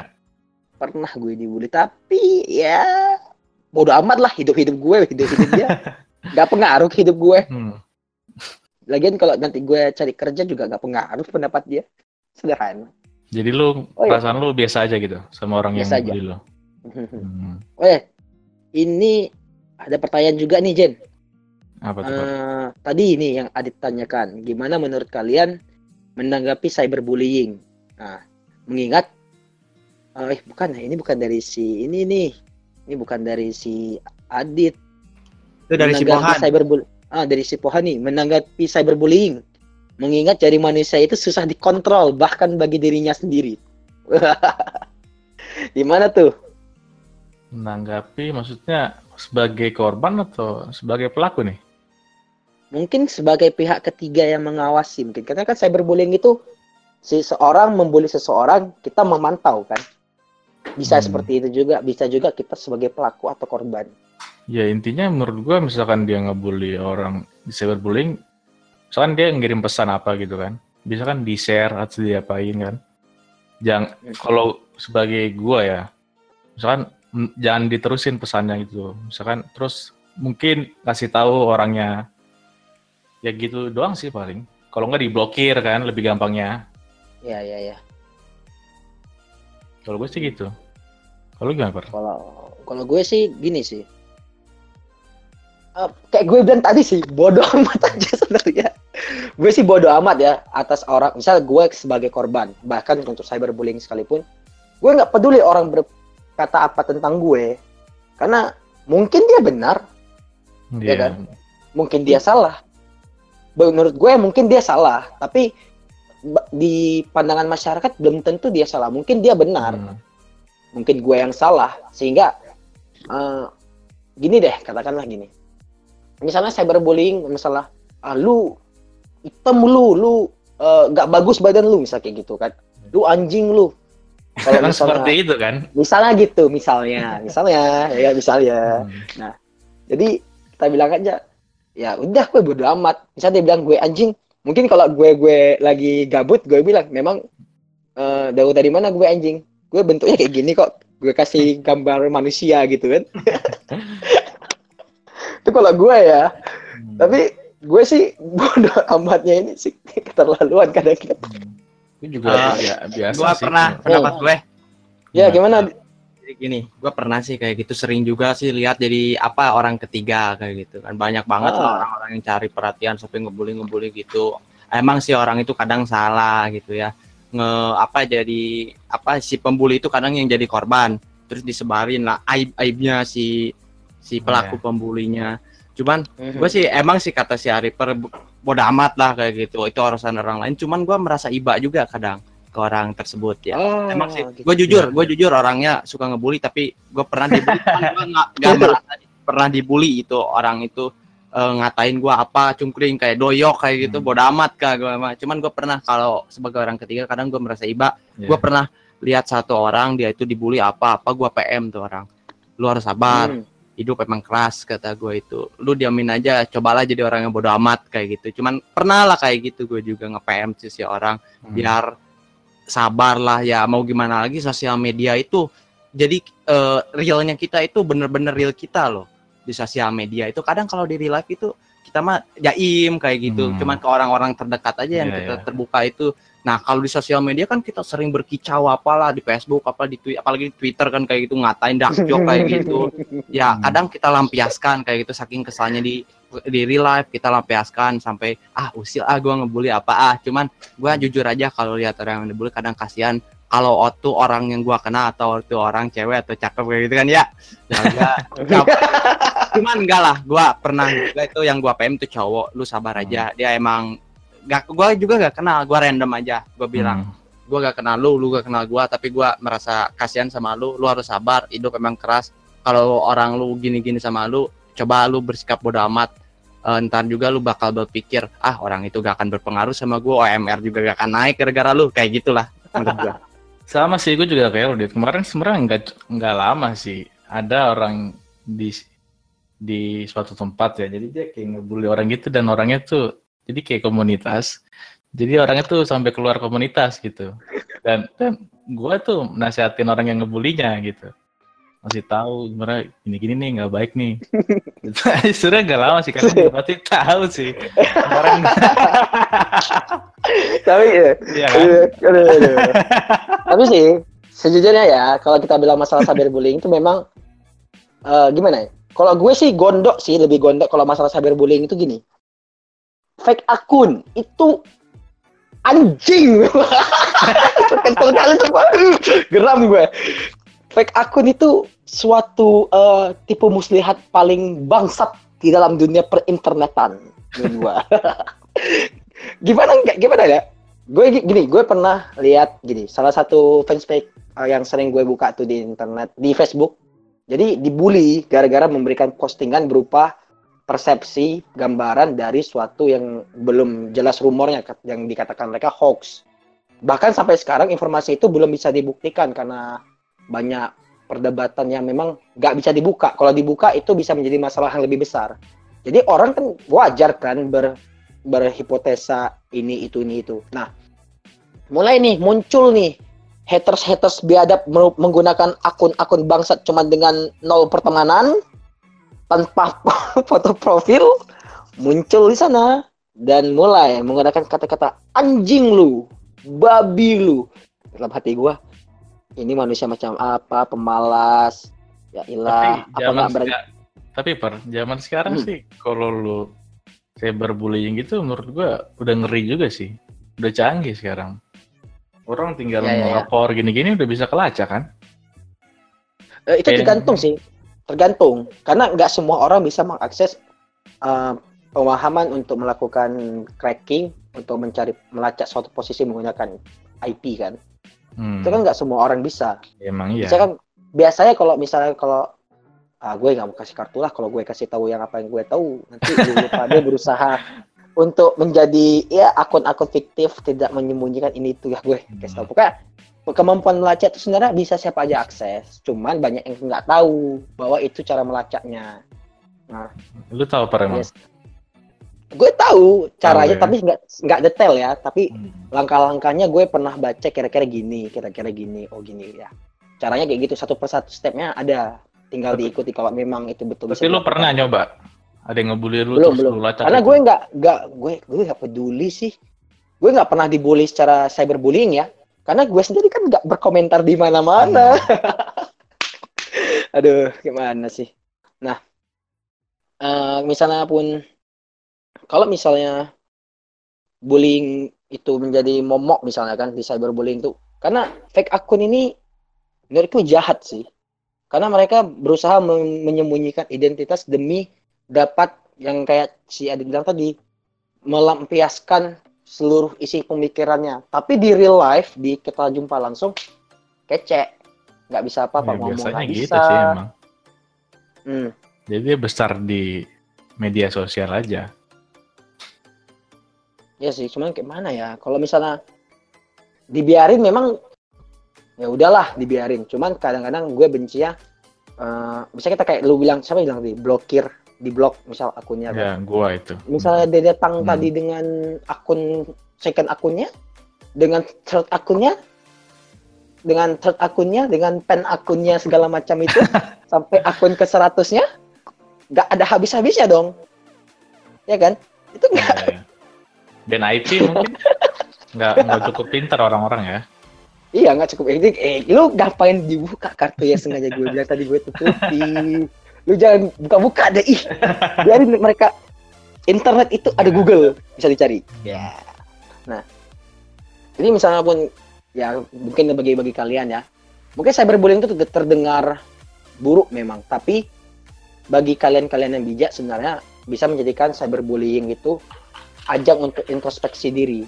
Karena mungkin kayak gue bilang tadi, mungkin aja apa yang dibilang oleh para pelaku bullying itu benar. Itu bisa menjadi motivasi, bisa menjadi eh, terobosan diri untuk berubah. Nah, terobosan diri asik. Terobosan diri untuk berubah.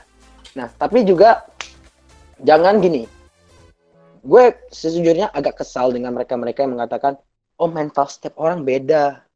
Hmm, Gue bener, setuju memang mental setiap orang beda, tapi tidak bagi mereka yang sudah dewasa.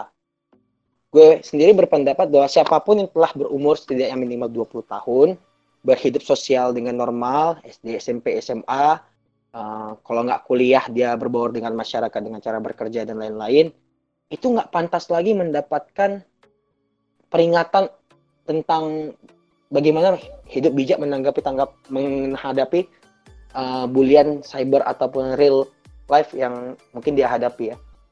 Jadi Karena- lu jadi lu setuju per kalau bullying itu ada sisi positifnya gitu. Ada, gue setuju. Karena sejujurnya banyak dari diri gue juga itu dari orang ngebully dulunya bukan ngebully menurut gue, itu pandangan dia yang dia lihat di diri gue itu yang buruk. Jadi kan bisa jadi gimana ya? Introspeksi diri gue lah.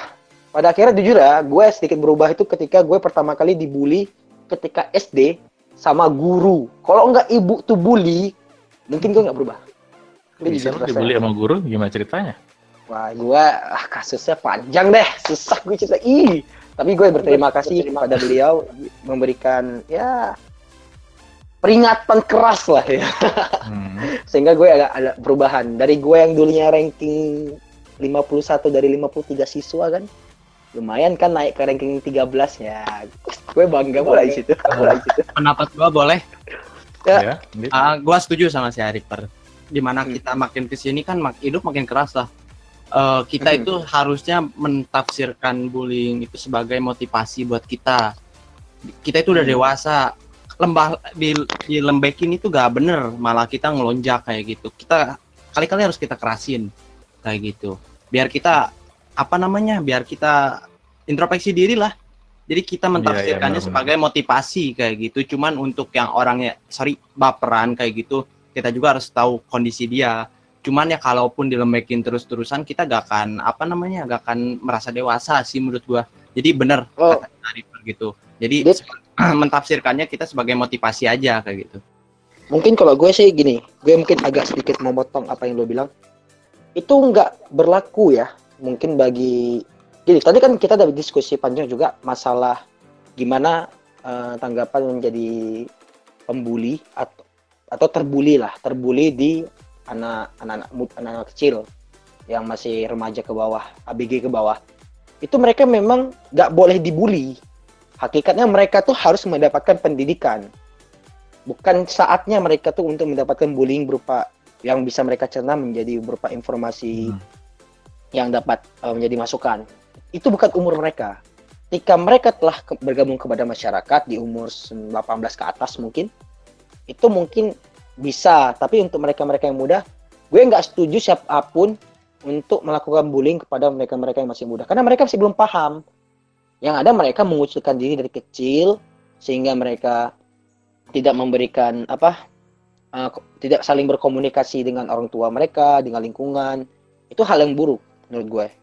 Tapi untuk kita yang seumuran yang telah cukup dewasa lah umur 18 ke atas 20 tahun 22 tahun 23 tahun 24 tahun itu gue malah benci ya jujur saja gue benci kalau ada orang eh jangan terlalu eh, ngekerasin dia apa nanti dia ya gue benci nih. Iya, iya. jangan terlalu ngerasain dia. Gue kalau gue ada orang yang ngomong misal gue di under pressure nih ada orang ngomong kayak gitu sampai gue tahu gue marahi dia gue di sini nggak selemah itu. Gue bilang terus gue nggak selemah itu sehingga perlu di- dimudahkan. Gue nggak terima. Dia tuh menghina gue itu lebih bully daripada membuli. Dia bilang gue tuh lemah jangan kasih dia yang susah-susah. Gue terhina jujur. Gue terhina. Gue nggak suka orang yang meremehkan orang lain bahwa orang lain nggak ma- nggak mampu. Gue yakin orang itu mampu. Gue yakin gue mampu. Kalau gue nggak mampu gue bilang dari awal gue nggak mampu. Gue nggak bisa di posisi ini. Gue nggak bisa kayak gini. Gue bilang tapi kalau gue bilang gue udah mampu dan gue udah mengkalkulasikan pemikiran-pemikiran gue perkiraan gue gue nggak boleh digitukan yang ada gue malas kerja jadinya kalau kayak gitu kalau Iya. orang-orang meremehkan kayak gitu gimana ya jangan kasih dia pressure dia gini gini gini dia baperan Yang ngerti. gue ngerti. mau ngomong kasar tapi kesannya gimana sih Ya, intinya sih, lah, maksudnya- ya intinya kalau menurut gua sih, bullying memang ada positifnya, tapi bullying juga nggak baik lah, ya ya ya gitu sih. kita sepakat akan hal itu ya kan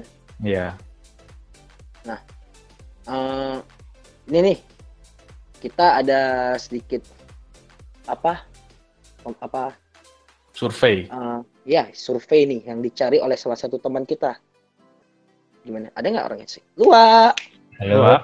halo, halo Wak? ya, Gimana, Wak? halo, selamat malam nih. Selamat nah, malam. sebelumnya terima kasih buat kalian yang udah dengerin kegiatan ini sampai ini waktu ini, mulai dari awal sampai waktu segini. Nah, oh ya kenalin dulu gue nickname gue Luwak, gue selaku hmm, selaku apa namanya? informan Nah, selaku informan gitu. Jadi gue s- sudah melakukan eh, survei ke banyak orang, ke orang tua, ke anak-anak, ke remaja, sampai ke media internet lainnya. Mhm. gimana tuh? Dan di sini gue minta pendapat dari kalian semua. Nah, di sini kalian tuh bebas buat ngomong, tapi ada aturannya, yaitu Mhm. nunggu apa namanya kesempatan gitu. Nah ini Oke. sebenarnya bukan podcast. Kalau podcast kan mungkin du, bisa dibilang podcast itu kayak dua orang atau tiga host itu melakukan diskusi, sedangkan kita para pendengar nggak bisa apa, ngobrol secara langsung kecuali lewat apa chat. Mhm. Jadi di sini kalian bisa melakukan voice, nanti menjawab. Di sini gue akan memberi pertanyaan, kalian menjawab, kemudian kalian menanggapi jawaban gitu. oke Jika kalian nggak ada mic bisa lewat chat aja no mic discussion itu. Jadi gue mulai aja pertanyaannya nih. Ini cenderung ke orang tua yang apa namanya bertanya ke ini ke anak-anak gitu. Jadi pertanyaannya lebih cenderung ke anak-anak. Yang pertama nih, Mhm. sebenarnya bullying itu kayak gimana sih? Bullying itu apa namanya? Penjelasan jelasnya gitu. Apakah misal si A diejek si B, diejek lu jelek, lu ini, apakah itu juga termasuk bullying gitu? Ada yang mau jawab? gimana nih Siapa? kalau nggak gue gue dulu deh Ya. gue dulu Ya, mau Arif. Hmm, menurut gue ya, eh tunggu.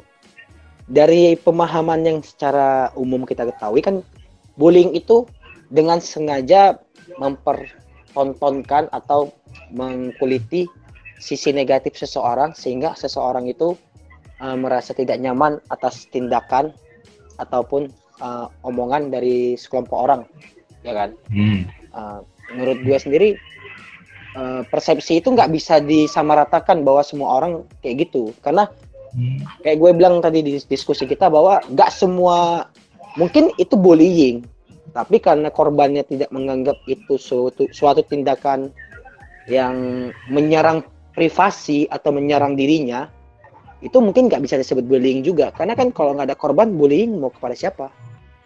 Hmm, ya, itu ya. menurut gue sih. Ada yang Uh, kalau menurut gue, menurut gue gue setuju sama si Ariper di mana bullying itu eh, apa namanya menyerang privat apa namanya eh, ngatain lah ibaratnya ngatain meng- ngatain si orang tersebut secara apa ya verbal maupun non verbal secara langsung ataupun lewat cyber kayak gitu selama orang itu gak sakit hati atau gak baper orang eh, itu menurut gue gak disebut bullying kayak gitu sih Ada yang mau menanggapi lagi? mungkin Jen bisa menanggapin Kalau nggak ada lanjut ke gue deh. ya, menurut gue sih sebenarnya kalau bullying itu itu kalau kita nggak bisa ngebalas sih menurut gue itu baru nih bullying. Ya misal kayak kita ada apa diserang oleh kayak kita takut gitu. takut buat ngebalasnya gitu. Betul juga sih betul juga Oke, kalau gitu lanjut ke pertanyaan berikutnya ya. Eh, nah, nih di sini ada yang pernah jadi korban bullying kayak nih? Atau Ada mungkin sih temannya atau Mungkin ada, cuman dia malu mungkin atau memang. itu tuh pernah tuh siapa tuh atau kalian pernah Aliannya. punya pandangan ini dari teman kalian gitu? Teman Ya, ini pernah. korban? itu Pernah dibully. pernah tuh pernah dia pernah tuh Suya pernah itu Hmm, pernah, pernah, pernah, pernah. Ya, Mas ini- Asmi ini juga pernah. pertanyaan Soalnya berkaitan dengan ini nih. Yang kedua nih.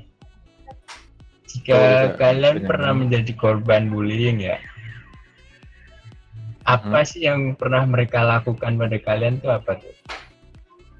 Ada yang mau jawab? Hmm, gue boleh. Hmm. Pernah dilakukan ya. hmm, Gue gue pernah sih, maksudnya dibully. Paling kalau gue bulinya lebih ke dikucilkan sih sebenarnya.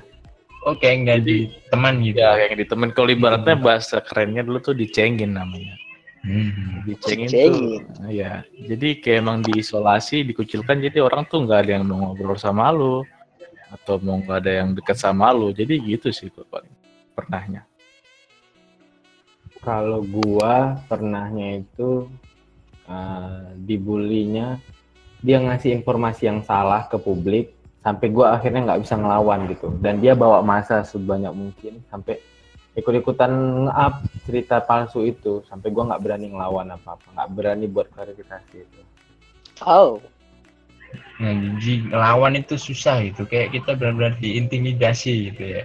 Iya kita Hmm. diintimidasi itu nggak satu orang aja rame yang intimidasi kita makanya Hmm. kita jadi nggak berani ngelawan gitu. jadi memilih memilih bahwa yang cerita palsu itu beneran kejadian ya udah gitu aja lebih milih Hmm. ngalah jadinya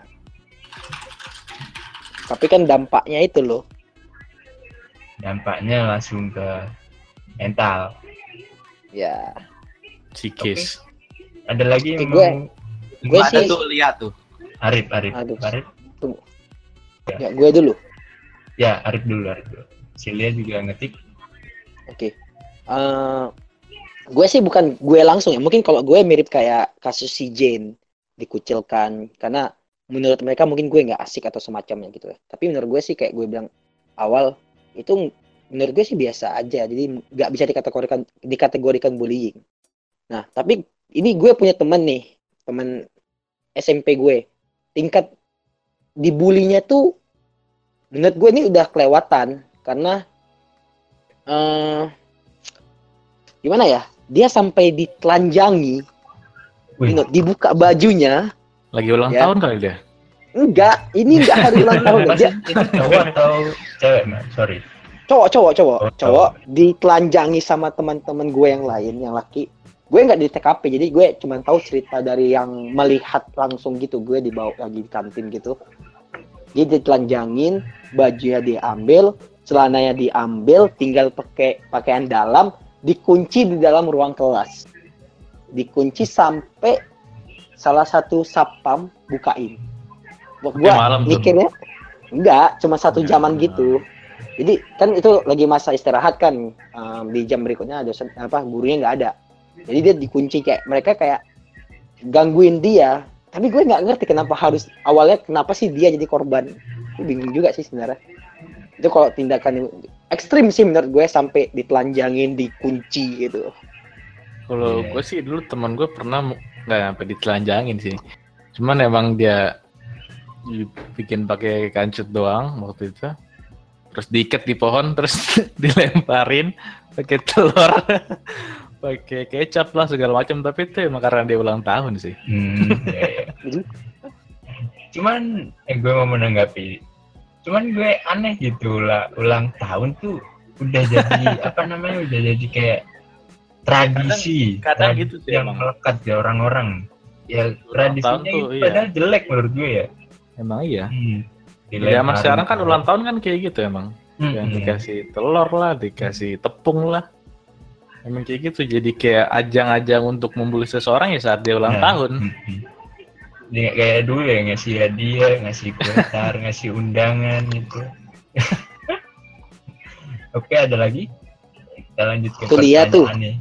Nia nih. Alia, Alia Nia nih. Iya. Waktu itu gue punya masalah sama salah satu anggota gengnya terus semenjak itu gue ke mana-mana kayak diganggu terus teman-teman gue diasut buat jauhin gue. Aduh nggak ada ini tanda bacanya. Gue gue juga ada nyebarin sesuatu yang nggak bener tentang gue. Yang bully by victim. By victim itu artinya apa tuh? Bisa jelasin nggak? Jadi Kalian. play victim itu kayak gini mah, dia ber, Bernakim sendiri gitu. Korban enggak enggak bukan. Dia kayak Bukan ya? dia jadi berperan sebagai korban, kayak dia korbannya padahal Hmm. bukan dia, dia yang itu yang Padahal dia yang pelaku pelakunya dia. gitu. Dia Oh. pelakunya, tapi dia ngaku ke orang-orang kalau misalnya dia yang tersakiti, dia yang jadi korban, dia yang jadi ya, gitu gitu. Hmm, kayak apa namanya bermuka dua gitu Iya? Penjelasan yang sangat kompleks ya. nah, Biasanya yang jelasin kompleks dia sering play victim, nggak sih? Waduh. Kebetulan nih gue juga muka dua gue Discord ini pun jadi dua terbelah Iya biasanya kan gitu orang sering teman gue nih gini gini gini gini. Hmm. Sebenarnya ternyata dia sendiri kan, cuman Hmm, dia bilang kayak Wah, itu skenario skenario iya benar benar. Dan gua korban Itu orang-orang kreatif itu konten kreator berarti nah gue lanjut nih Ini salah satu bullying ya tadi. oh ya Iya. gue Lanjut Pak. akhirnya gue ajak ketemu gue pencet wah pencet Waduh, apanya tuh? Apanya tuh?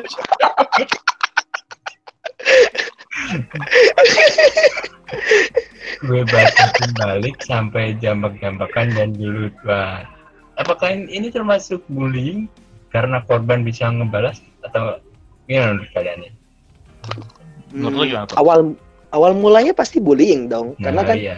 Hmm. misalnya gini, Ya, karena dia tindakan udah bisa bersabar ya iya, si misalnya tindakan kalian. setelahnya itu kan bentuk perlawanan. hmm. Kalau udah ada perlawanan jelas ada serangan datang kan.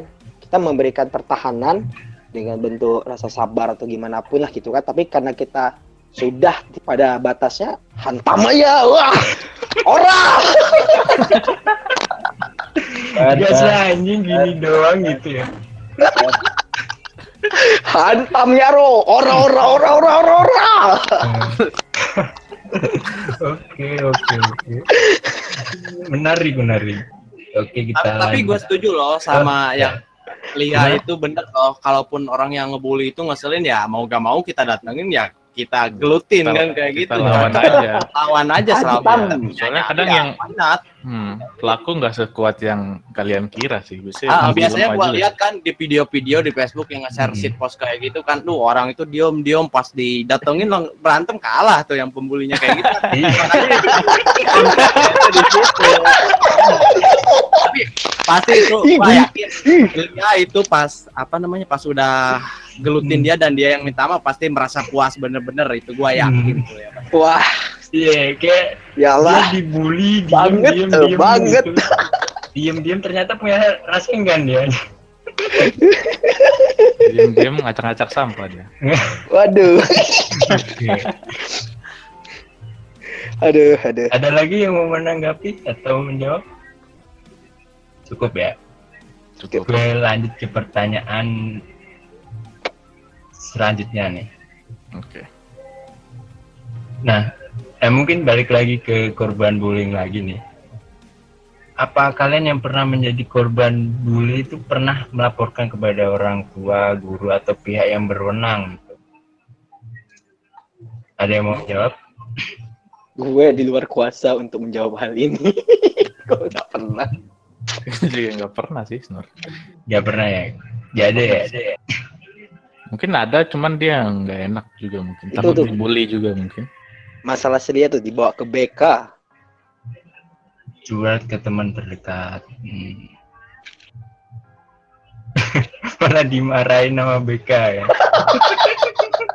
Wah, BK-nya itu Nah, tidak bekerja Ya. seperti semestinya. Ya emang iya, karena kan dilihat guru ya sepele, menganggap sepele. Nah, gue dulu tuh gini, gue cerita dikit ya. Waktu SMK tuh apa temen gue tuh kan sering bolos tuh. Nah, Mhm. sering bolos. Nah, absennya tuh banyak yang ini, banyak yang nggak masuk gitu.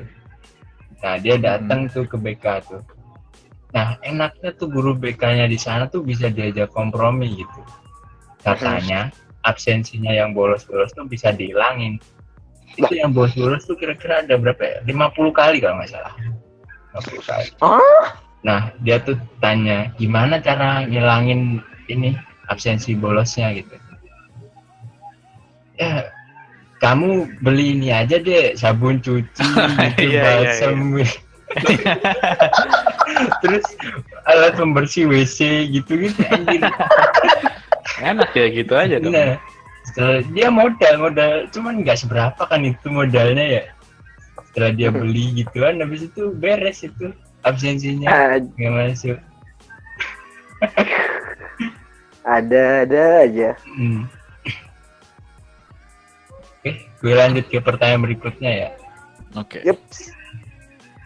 Nah, ini orang tua nih yang tanya, kenapa sih kok selalu anak-anak gitu yang jadi korban? Kenapa nggak orang dewasa gitu, orang yang udah tua yang udah jenggot gitu? Kenapa itu? Oh, gue gue mau berpendapat. Gue Nah, mau nah, berpendapat. Kenapa tuh?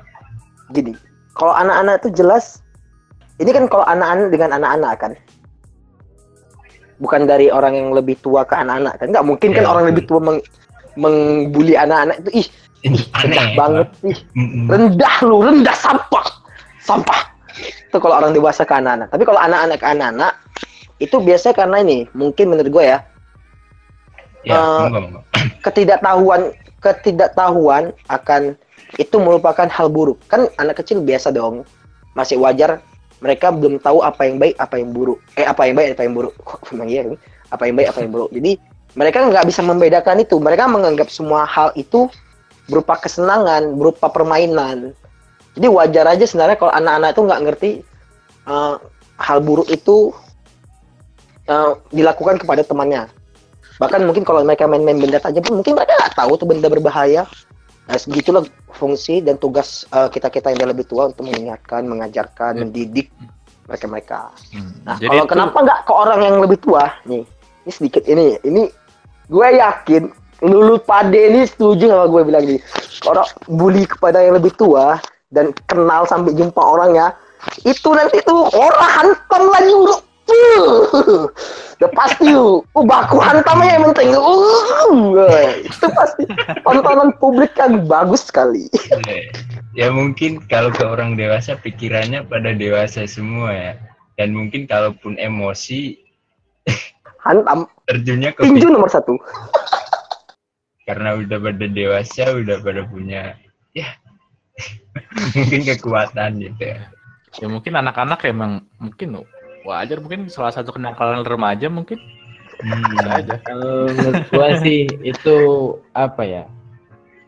Bullying itu udah tolak ukur kedewasaan seseorang lah. Kalau masih pakai bully-bully gitu masih bocah lah istilahnya, masih pakai cara-cara bocah. Orang yang udah dewasa tuh pemikirannya pasti kalau punya misalnya nih ada hal ada hal buruk yang harus diingatkan ke orang itu pasti penyampaiannya nggak dengan cara bullying itu. Orang udah sadar ngomong aja langsung, eh gue nggak suka malu, nggak perlu sampai bullying, play victim segala macam, nggak perlu. Hmm, betul betul Tapi kalau masih bo- masih bocah pasti mali- masih mikirnya "Eh, yuk yuk yuk kita ejek dia yuk rame-rame yuk. yuk," gitu. Sedih. Dulu gitu ya sih. Iya. Oh, iya. gue jadi korban soalnya. Aduh, aduh. Nah, eh, wah, makan yuk yuk eh Makanya, yuk, Bang. sini, gue ajak nanti gue Hantam. ajak gua, gua ajak nanti teman gue dia jago kali ngebully nih. Yuk, yuk, yuk. Ya, maksudnya lu yang ngasut gitu. Iya. Jadi lu yang ngasut Aduh. orang lain gitu. Iya, maksudnya. Jadi lu Emang. pelaku dong, bukan korban. Pelaku dong. Ah. Tapi katanya iya. Aduh kayak mana? Oh, ini kan inilah playing victim nih. Ini bentuk playing victim. nih. sih. itu itulah contoh kasus. kita kita menunjukkan contoh kasus Muka dua Muka dua. kasus gitu Eh lu pada itu sebenarnya melakukan cyberbullying gitu. Oi, maaf ini bukan bentuk dari se- kesengajaan. Tolong jangan UITE kan ya. Ta- Tapi sebenarnya kalau pelaku memang korban tidak merasa dibully, ya nggak apa-apa. Lu merasa nggak sih? Enggak kan? enggak sih enggak ngerasa Enggak, berarti bukan pembulian. bukan Itu Tapi itu ya sampai dia bilang Ntar pas Enggak, ketemu itu sampai dia bilang ini waduh. bukan Itu kalau sampai dia bilang eh gue terhina, gue terbully, itu udah Ya. kita semua dua tahun penjara kena UITE. tahu Kirain, kirain ada tiba-tiba ngomong, eh gue nggak terima digituin ya. Kirain. Waduh, bahan barang bukti oke kita Aduh, lanjut aduh. ke pertanyaan berikutnya ya. Yuk, nah ini dari siapa ya kemarin? Gue lupa dari siapa ya. Nah menurut kalian nih siapa sih sebenarnya yang harus diutamakan untuk dibantu antara korban yang bullying atau si pelaku bullying gitu nah tolong ada yang bisa jawab Untuk dibantu. Heeh. Dibantu jadi gimana? kayak Dibantu gimana ke cara bantu psikis psikolognya gitu kayak Oh, apa Misalkan jangan kayak- main jadi apa gitu gua gua boleh, gua boleh pertama. boleh boleh. ada nih Oke. ada dozo. Menurut gua dua-duanya.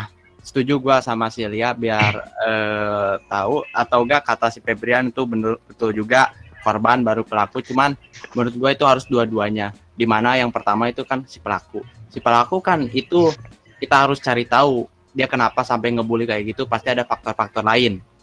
Di mana kan bullying juga gak langsung gitu. Pasti orangnya bisa jadi gabut kah? Atau emang eh, perilakunya kayak gitu kah? Atau dia emang eh, cari perhatian dan juga emang lagi tertekan.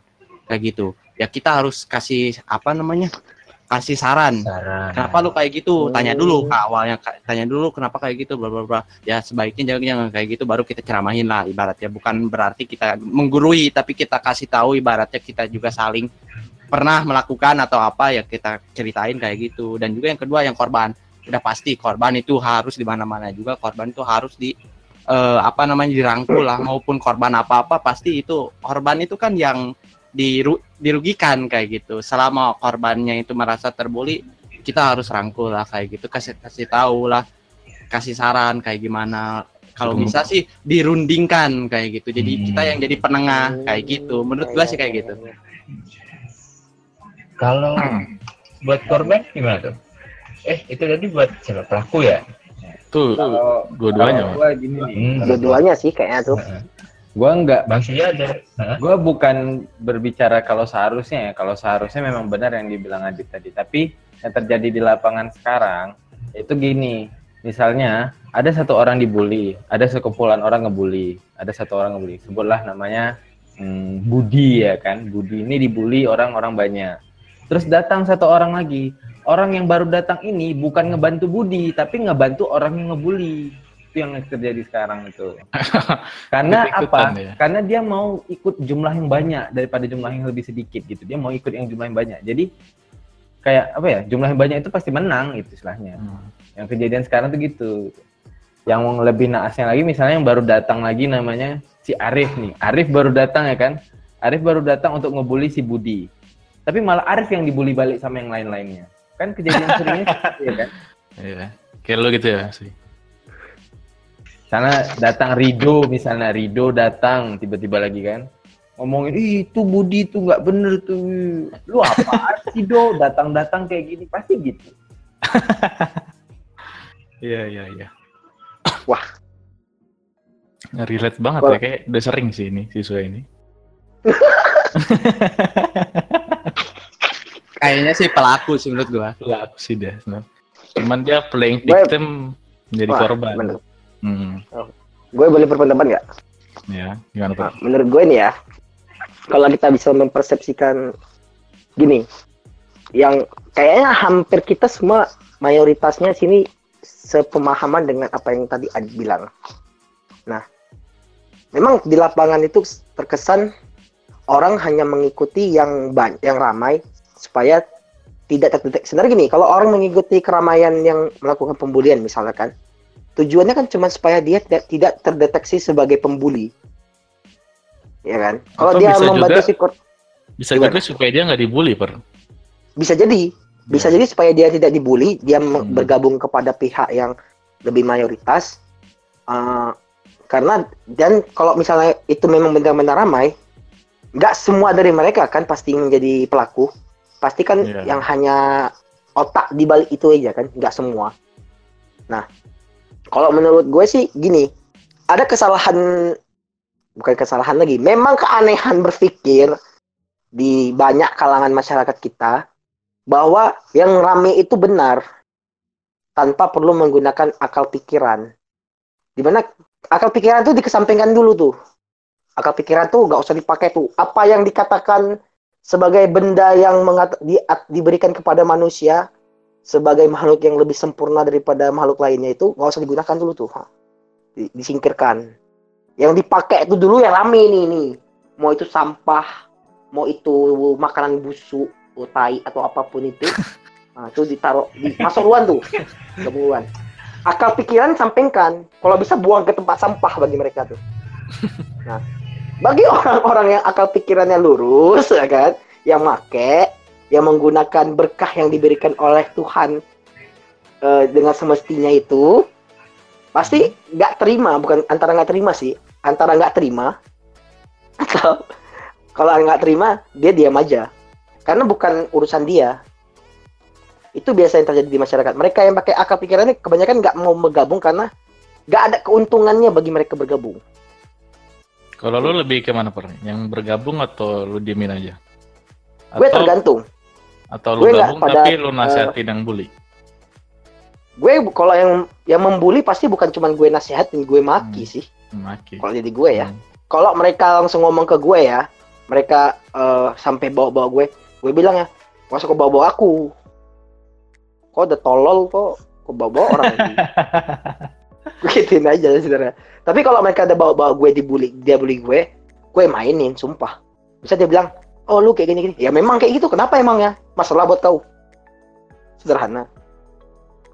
Kita mainin aja. Itu aja. Di- Oke, eh, ya ditantang gitu lah betul. Ditantang gitu aja. Ditantang ya adik. Puh. harus Orang berani gitu ya.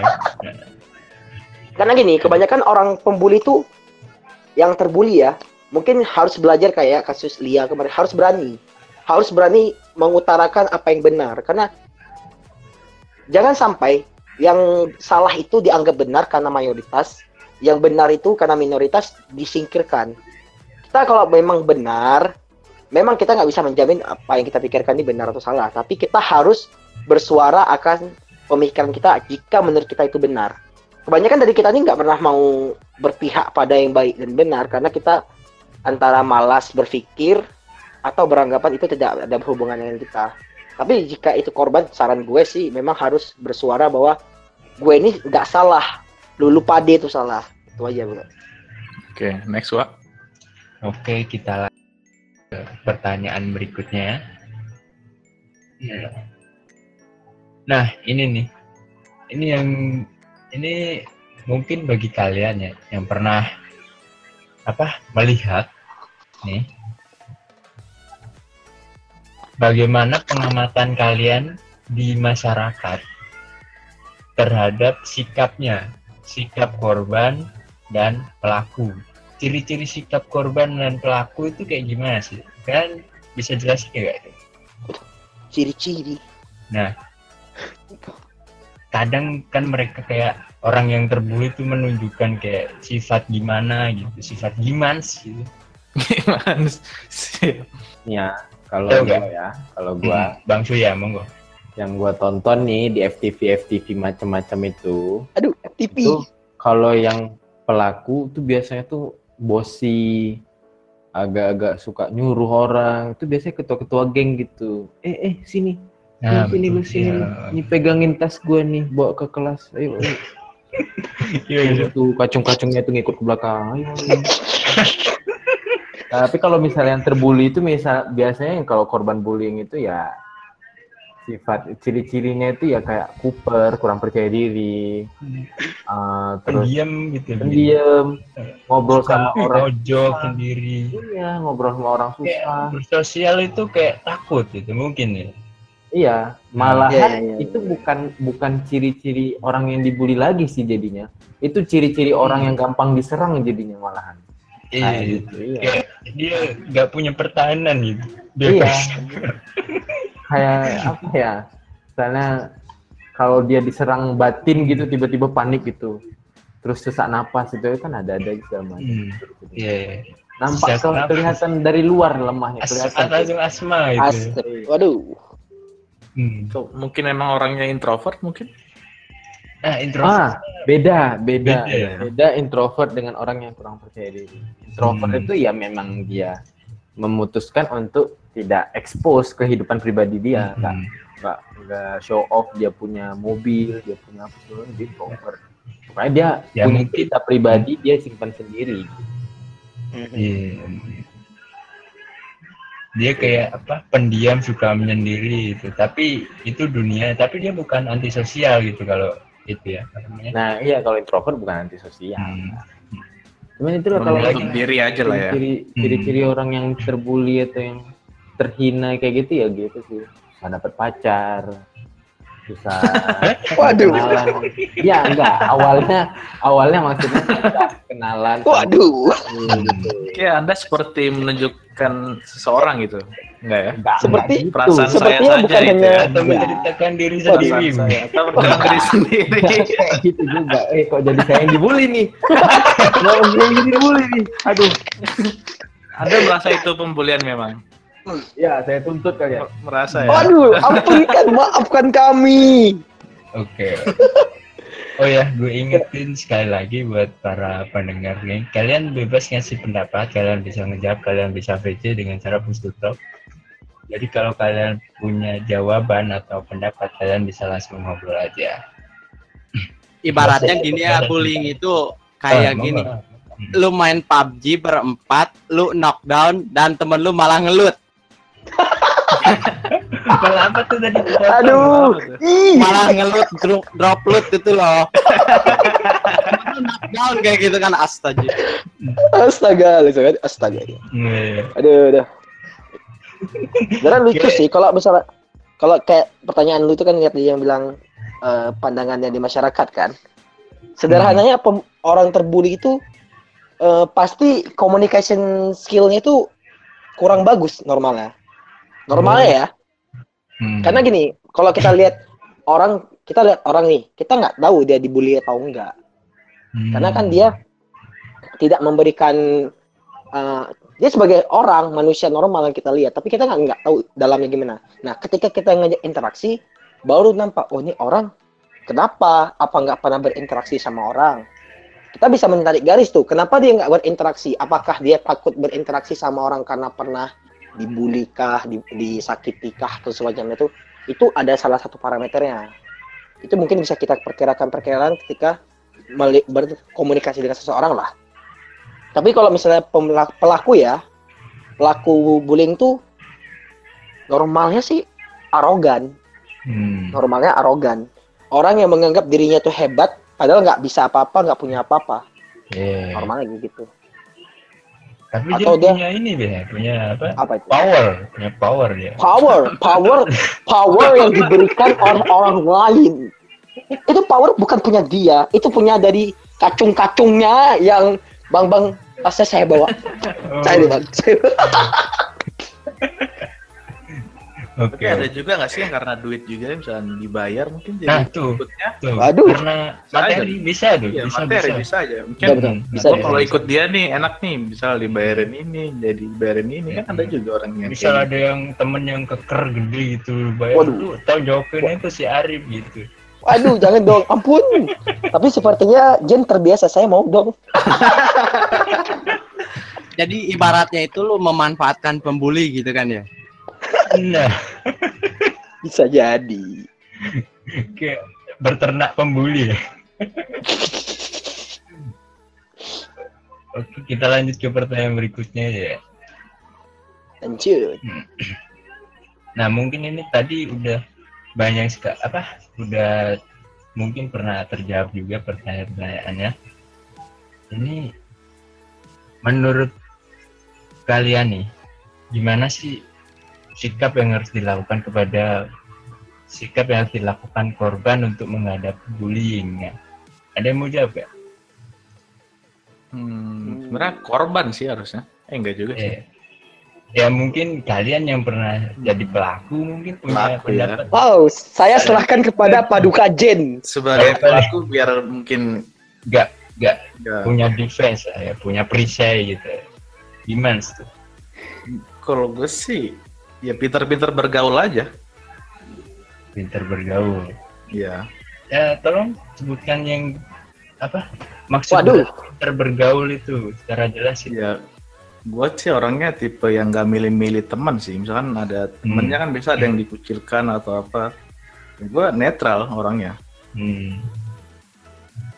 gitu doang sih paling. Nggak nggak ada sih. Kalau dibilang ciri-ciri eh cara terhindar agar menjadi bullying ikut sebagai pebullying mungkin Aduh. Jangan dong. Oh, jangan dong. Jangan.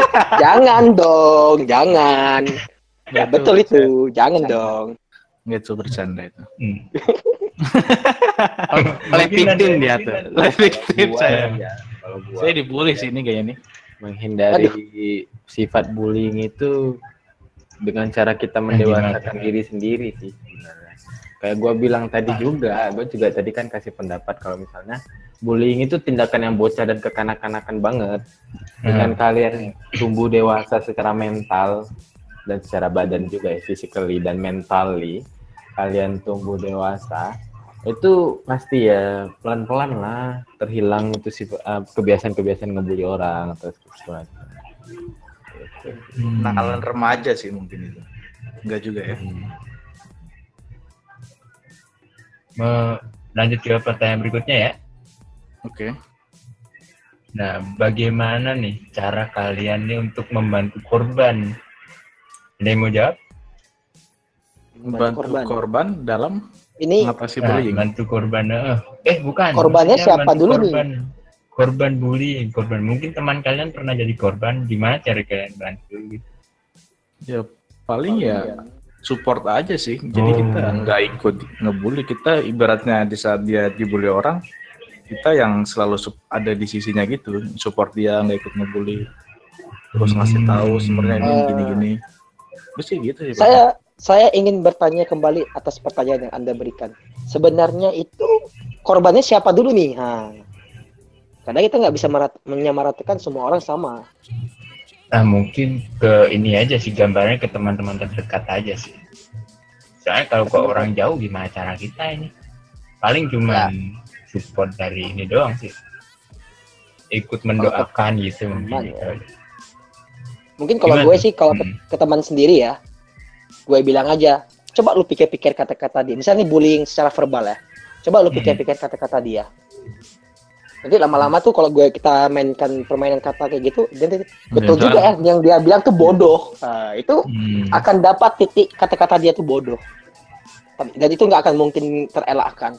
Jadi pada akhirnya kita membuat seakan-akan dia itu berpikir dia tuh nggak dibully. Itu benar gue. Atau Jadi, mungkin emang lama-lama- kalau dikatain ah gendut tuh dibully gitu kan. Goblok lu emang. Lu emang kayak gitu orangnya gitu ya. Enggak juga. Ya bilang aja, bilang aja. Ya memang gue gendut, nampak memang nah, itu aja. Selesai masalah. Emang goblok Jadi- juga gitu kan. ya gitu lagi aja. gitu. Seder, sederhana. Hidup ini sudah rumit, jangan yang yang mudah dis- dirumitkan lagi. Sederhanakan saja. Iya. Oh ini ada menurut Nia nih, menurut Nia. Caranya ya gue ajak cerita. Wah dia ajak cerita, gue kasih support moral. Support moral tuh kayak gimana sih? Ada yang tahu nggak? Support mob. support moral Mungkin- sih mungkin kayak ini ya ngasih semangat kalau dia itu nggak kayak yang orang itu bilang atau misalnya kalau memang itu yang dibilang coba dong berubah biar yang dia bilang itu nggak benar gitu supaya bisa bangkit Hmm. lagi jadi orang yang lebih baik gitu support moral yang kayak gitu sih kayaknya. Hmm. Iya iya. Hmm. iya. Saya seperti teringat akan seseorang. Siapa tuh? Ya bisa disebutin, itulah. nggak boleh disebutin ya. Susah.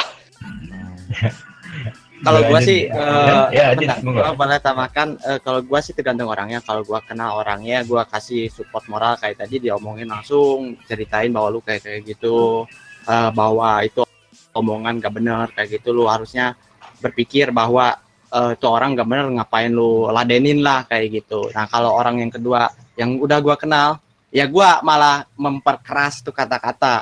Kata Ariper bilang tadi, mungkin menurut kata orang itu benar, tapi lu harusnya pikirin dan jadiin itu sebagai motivasi lu, introspeksi lu, biar orang Wah. itu gak akan ngatain lu kayak gitu. Dan juga biar kalau lu udah berubah, benar-benar berubah, jadi bullying itu dibalas dengan kesuksesan kita loh. Hmm. Kayak gitu sih menurut. Applause untuk Adit. Oke. Lu ngomongnya sambil ngebully dia gitu, Dit. Enggak. Jelas, jelas. Jelas. Soalnya gua itu orangnya gua kenal kan tadi gitu, gua kasih tahu. Aduh. Lu ngasih masukan sambil ngebully dia gitu, biar makin kuat. Ya, ya gitu. Itu malah bikin depresi. Sekali melempar, sekali melempar dua burung jatuh gitu ya. Malah Sekali bikin nama di tangan platform. namanya Adit itu pakai apa? Namanya silet. Kayak darah. Waduh. Wah, gua merasa terbully nih. Aduh, ini gua ada dua pertanyaan lagi nih, tapi waktunya mepet. Mau lanjut itu kagak nih? Dua pertanyaan nih. Kayaknya cukup sih, Pak, diskusi kita malam Cukup ini. sih. Cukup capek juga ya kita malam ini diskusi. Hmm, Oke. Bisa Nah. makin malam makin dalam kini diskusi kita. Hmm. Jadi sebelum kita tutup ada yang mau disampaikan gak nih? Mungkin Ariper? Hmm, mungkin dari gue sedikit ya. Untuk teman-teman sendiri yang mungkin menjadi korban. Kita pasti banyak persepsi ke arah korban. Korban itu harus men- melihat bahwa bullying itu bukan cuman kata-kata buruk terhadap kita, tapi coba itu menjadi menjadikan eh, acuan kita, menjadikan motivasi kita untuk menjadi manusia yang lebih baik. Mana tahu kita menjadi orang yang lebih sukses daripada orang yang membuli kita, dia akan menyesal, menyesal. Itu dari gue. Ya intinya bullying memang ada positifnya juga, tapi balik lagi bullying itu nggak nggak baik juga sih. Gitu kan Per? Maksud lu Per? Yup, benar sekali. Oke. Yaudah kalau gitu sampai di sini dulu. Mercy Discord Keluh Kesah Kehidupan edisi bullying malam ini. Jangan lupa buat ikutin podcast selanjutnya dengan tema yang berbeda lagi. Hmm. Per, Mungkin itu aja dari kami. Kami akhiri. yuk. Wassalam. Bye-bye. yuk. Terima kasih. Assalamualaikum. Waalaikumsalam warahmatullahi wabarakatuh.